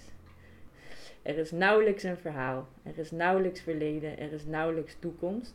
Er is een gele vlinder die onder mijn ogen zijn vleugels opent en de stad onder zijn hoede neemt. Ik vind het mooi dat je dan, wat ik net al zei, van vooral dat neem me mee, zei de hond. Zo alledaags. Dan ben je een bezoeker. Of dan, ja, en dan ook, en dan toch, ja, de hond kan natuurlijk niet praten. Maar dan neem me mee, zei de hond. En dat het dan omgekeerd is dat je normaal de hond meeneemt. Ik weet niet, er zit dan alsnog heel veel in. Terwijl je ook zou kunnen denken, ja, wat, wat wordt hier nou gezegd? En ik vind dat, heel, dat dus heel knap als je het met zoiets, gewoon zo simpel en een klein dialoogje, zoiets groots kan zeggen of teweeg kan brengen. Dus dat, dat, vind, dat vind ik wel ook zijn mooiste gedicht. De dichtpunt nooit ook nemen mee zijn. Ja, dus Wim vond het zelf misschien ook zijn mooiste Denk ik gedicht. wel, ja, denk het wel. ja. Nou, heb ik toch nog Wim Brandt erin weten te fietsen. Ja, daar ben ik heel blij mee. Ja, ja, ik ook. Nee, wat fijn dat we langs eh, mochten komen. Ja, leuk dat jullie er waren. Bedankt voor de glühwein. Ik heb ook die lelijke appeltjes, daar lacht iedereen wel om uit. Dat is ook wel voor kerst.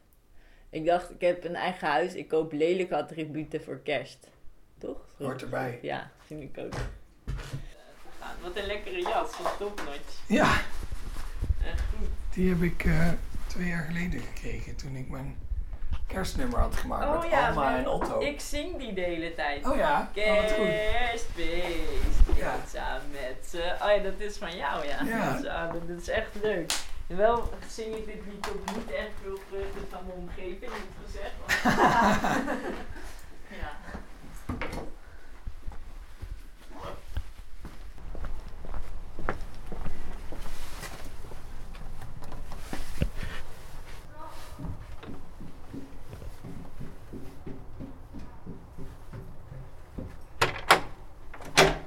Hallo. Welkom. Hoi. Kom erin. Hei. Ja, hei.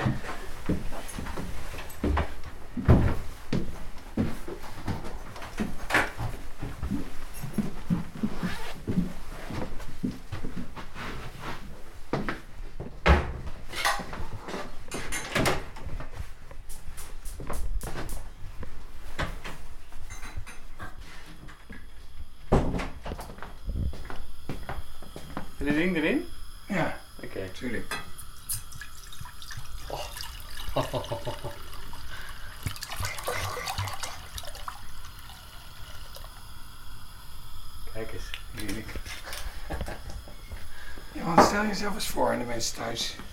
Ja, ik ben Johan Kuiper. Eh, hallo mensen thuis. Ik ben eh, 34, ik woon hier in Amsterdam-Oost.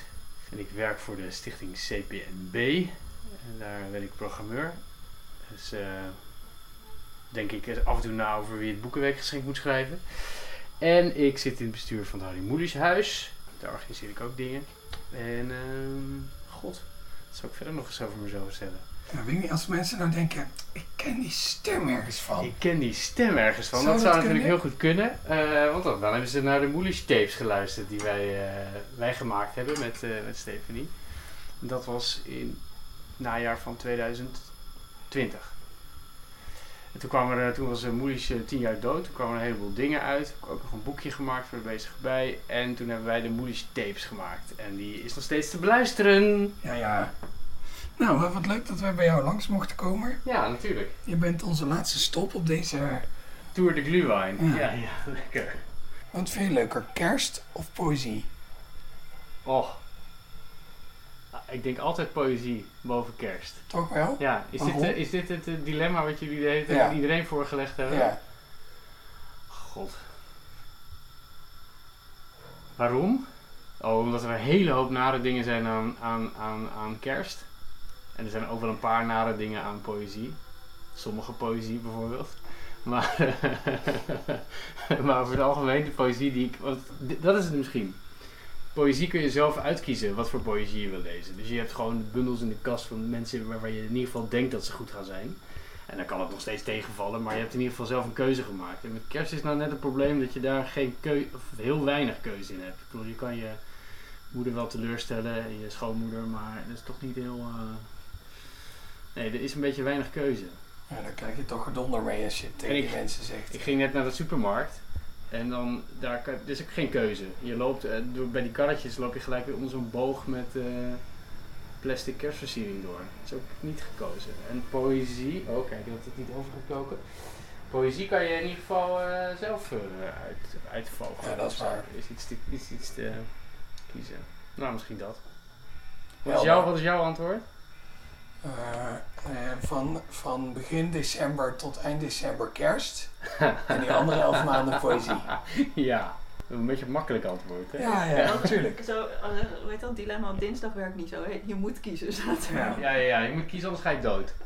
Ja, en wat is jouw, wat, wat weet jij? Poëzie, ongeveer vergelijkbare Redenen. redenen. Of Nou ja, dat je Ja. het hele jaar door iets hebt aan poëzie. En Ja, kerst is even leuk of niet leuk. En je hebt er niet altijd grip Ja. op of dat zo is. ja. Ja, en misschien wel het belangrijkste antwoord is in de vorige kerstspecial wel gevallen, maar deze helemaal nog niet. Namelijk dat het echt een onzinvraag is. Ja, Dat het is een hele Alma toen, domme, het is een hele domme vraag. Weet je wat, de, wat is overeenkomst, een idiote vraag? Ja, dat klopt ook. de overeenkomst is ook, als we toch onzin aan het kletsen zijn, dat je Ja. bij, bij beide kan je heel goed drinken. Bij kerst en bij poëzie. Dat is wel een beetje de gemene delen, toch? Ja, maar, Ja, maar waar dan bijvoorbeeld niet bij? Zwemmen. of, nee, ja, toch? Er zijn Ja. dingen waar echt veel minder goed bij gedronken kan worden. Dat je met een, met een koeler vol met eh, blikjes bier op je boot. En Als je taxichauffeur bent, dus spring je da- ja, oké. ook niet handig. Ja, ja. werk is vaak, tenzij Ja. je dichter bent, weer dan, Ja. eh, niet met drinken te combineren. Of in het boekenvak werkt. Of, ja. in, of in een boekenvak, inderdaad. ja, Nee, oké, ja. Dus? helder. En chirurgen, die mogen ook niet drinken tijdens het werk. Nee, dat lijkt me ook heel onhandig. Tenminste, volgens mij mag dat niet. Lijkt me niet, nee. Tandarts. eh, Ja. ja. De poëzie van Moelisch, daar zouden we het ook nog wel over kunnen hebben. Ja. Ja, dan kies ik toch voor kerst, denk ik. nee. Lees je graag poëzie?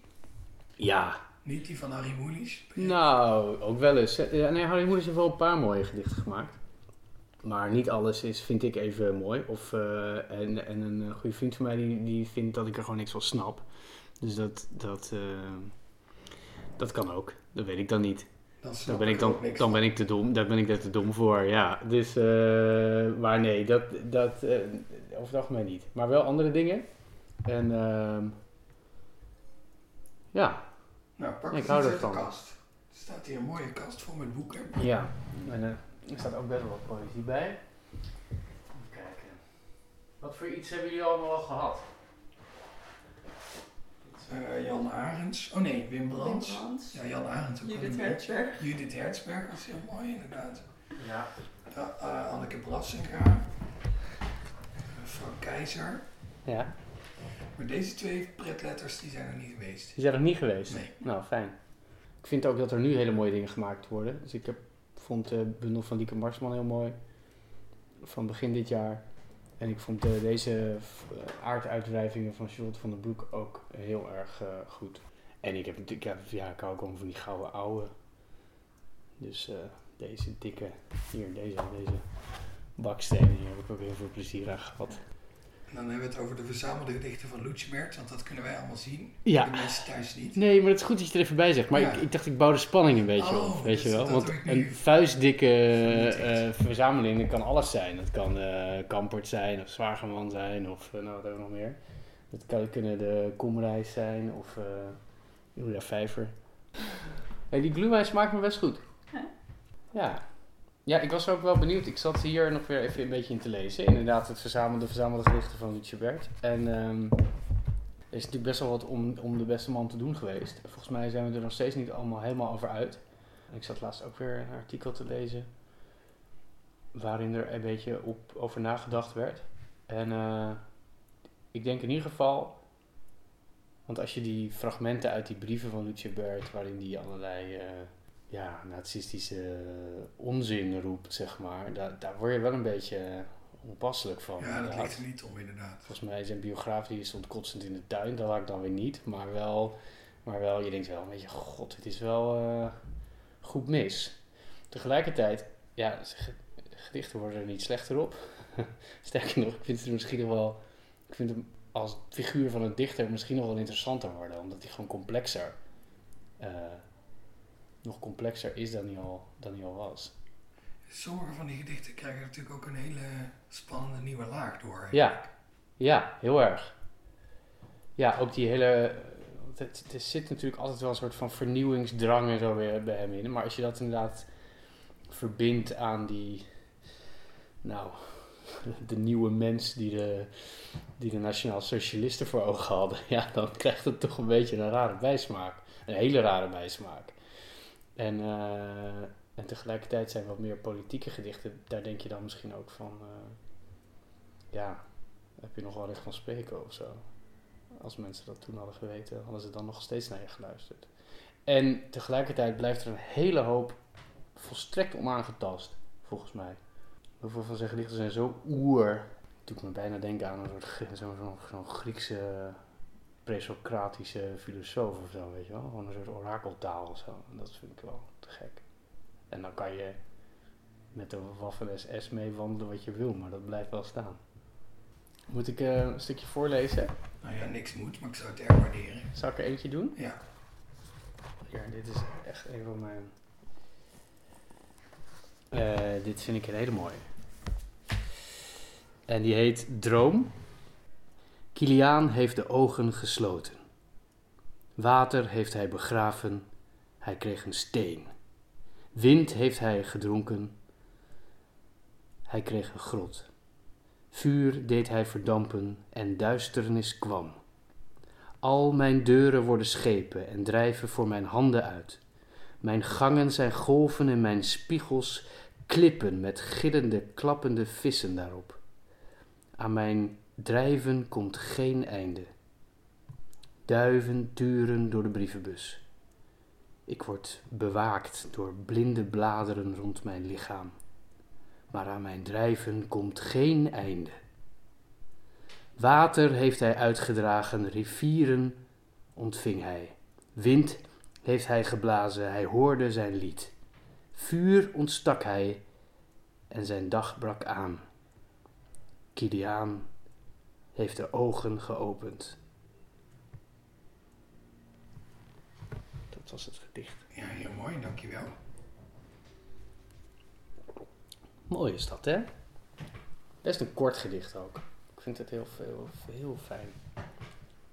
Ja, maar als je als je, je voorstelt, voorstelt dat, het, dat het zich allemaal afspeelt in de tijdsduur van één keer knipperen, Ja, dan is het eigenlijk wel weer een heel lang gedicht. ja. Ja, precies. Ja. Ja, het heet dus ook Droom. Dus het, ja, het- eh, dit is ook een beetje droomachtige taal natuurlijk. Of zo, weet je. Je, hebt, je stelt je toch voor dat dromen zo werken dat je... Of hè, wat je daar nog van overhoudt overdag.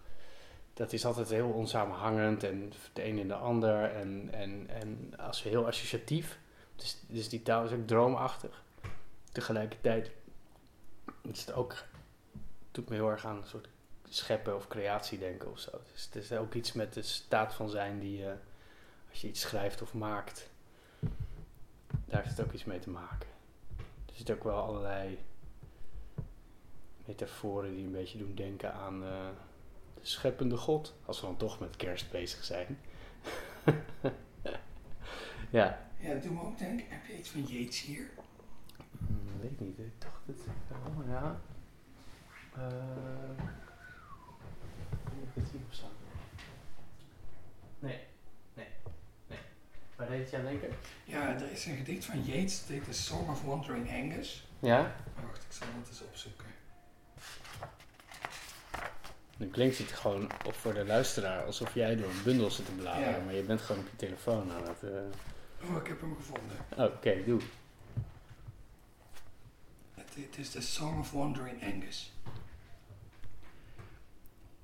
I went out to the hazel wood because a fire was in my head and cut and peeled a hazel wand and hooked a berry to a thread and when white moths were on the wing and moth-like stars were flickering out I dropped the berry in a stream and caught a little silver trout. When I had laid it on the floor, I went to blow the fire aflame, but something rustled on the floor, and someone called me by my name. It had become a glimmering girl with apple blossom in her hair who called me by my name and ran and faded through the brightening air. Though I am old with wandering through hollow lands and hilly lands, I will find out where she has gone and kiss her lips and take her hands and walk among long dappled grass and pluck till time and times are done the silver apples of the moon, the golden apples of the sun. Ze weet je diezelfde beeldentaal eh, Ja, zit erin. ja, precies ja. Ja, heel, heel ehm, tactiel ook of zo, hè? En heel soort van, inderdaad, oeroud of zo. Zo'n soort van gevoel roept het op. Ja, het is een soort mythologie die die Ja, ja, ja, diepte ja, ja, heeft ja, van ja. duizend jaar oud of Ja, langer. Ja, een beetje Borges-achtig ook, weet je. Die heeft het ook altijd zo heel sterk. Voelt het ook allemaal zo, alsof het heel oud, terwijl die... In, in eeuwigheidsperspectief is die man net gisteren overleden ongeveer. Deze heeft dat ook. Heb je deze al gelezen, Daan? Ja, ik heb eh, een paar gedichten wel al gelezen, maar En? niet allemaal. Ik vind het mooi. Ja, het is het. Ik vond dat ook. En ook eh, een beetje dat, eh, datzelfde, dat je het voelt en ruikt en proeft en alles tegelijk, zeg maar. En dat is wel, vind ik heel knap. Dan ga ik eventjes eentje opzoeken. Oké, dit is dus van Charlotte van der Broek. Komt uit eh Aarduitwrijvingen, wat dit jaar verschenen is. En wat ik iedereen aanraad. En dit gedicht heet Be- Beschadigingen. Als de avond valt, zegt men dat de rotsen wandelen. De woestijn woelt en sleept haar laken mee. Er ontwaakt een vrouw zonder beschadigingen. Ze kleedt zich voor een dagtocht. Ze zult geen geesten. Mijlenlang alleen met de schittering van zon en steenzout. Alleen met het wijdse netvlies. Een blindheid. Want wie in het licht kijkt weet, ze waren er altijd al. Achter gesloten ogen, de schaduwen van metaallak. Is mooi. Ja. Heeft ook wel iets kerstigs, vind ik. Ja? Eigenlijk. Waarom? Ja, zo eh, dat, dat iets. Dat iets, eh, ehm, zeg, dat iets, iets zichtbaar wordt wat er eigenlijk altijd al was. Zo, dat is toch wel de kerstgedachte eh aanhangig. Ja, Ik krijg veel meer het gevoel van echt zo'n landschap, een bergwandeling. Ja. Dat voelde, niet, het voelde meer zomer voor mij dan kerst. ja misschien ook omdat er, er zit natuurlijk een woestijn in, een rotsen, dus je krijgt misschien een soort... Maar goed, het is wel een bijbels landschap natuurlijk. Ja. ja, maar wel zonnig, ja. Maar ik krijg wel een soort inderdaad, eh, ja, zoals je vroeger denkt dat het, eh, of dacht dat het, dat het er allemaal uitzag daar. Maar als je me dit in de zomer had voorgelezen, had ik het totaal niet. eh, dan was ik meer, zat ik veel meer op jouw lijn. Ja, Dus dat is het ook wel weer. Dat zo'n, dat zo'n gedicht toch ook door meer wordt ingevuld dan wat er alle- alleen maar wat er in het gedicht staat. nou, jij wordt gewoon gecorrumpeerd door die kerstsfeer die overal hangt. Ja, dat ook. Jij denkt nu overal, hoor jij belletjes klingelen en... eh, toch? Ja, nee, zeker. En deze maand is kerst belangrijker dan poëzie. Dus Ja, ook dat. ja, precies, ja. Dus ik, ga, ik denk eerst in het laadje. Ik ga eerst zoeken in het laadje kerst. en dan pas in het laadje poëzie als ik een gedicht wil interpreteren. Dus, ik vond ook dat, dat kerstgedicht van Wim Brands, dat Maartje Wortel voordroeg, vond ik echt. eh, Oh, hebben jullie ook echt kerstgedichten gehoord? nee, het was totaal geen kerstgedicht. Maar ik probeerde nu dan voor, door te gaan of dat. Dat jij alles... Ja, ja, ja. Maar dat was een kersthond, toch? En, eh, nee, ja. Oh ja, ja, ja, ja, inderdaad. Willen jullie nog wat drinken? Ja? Wat wil, wat, wat wil je denken? Wat wil jij denken? We hebben alles. Gluwijn is op, hè? Dat hebben we dus niet. Heb je bier? Want ik kan wel Ja. iets, eh, iets normaals gebruiken en al die ja. Ja. zoete troep. Ja. Inderdaad, ik ben echt helemaal vol. Zeker. Zeker. Doorgesuikerd. Ja, En of, ja, je krijgt dus een sugar high van, hè? Ja, Oké. Nee, bier. nou, een prachtig einde om eh, ook een einde te breien aan deze aflevering. Dit was aflevering 65 van de Poëzie Podcast. Die wordt gemaakt door mij, Daan Doesborg, in samenwerking met de Stichting Literaire Activiteiten Amsterdam. Vandaag in het bijzonder Nora van Arkel. Dank aan iedereen bij wie we op bezoek mochten komen. Dank aan Bart de Vrees voor het maken van een speciale kerstversie van de Poëzie Podcast jingle.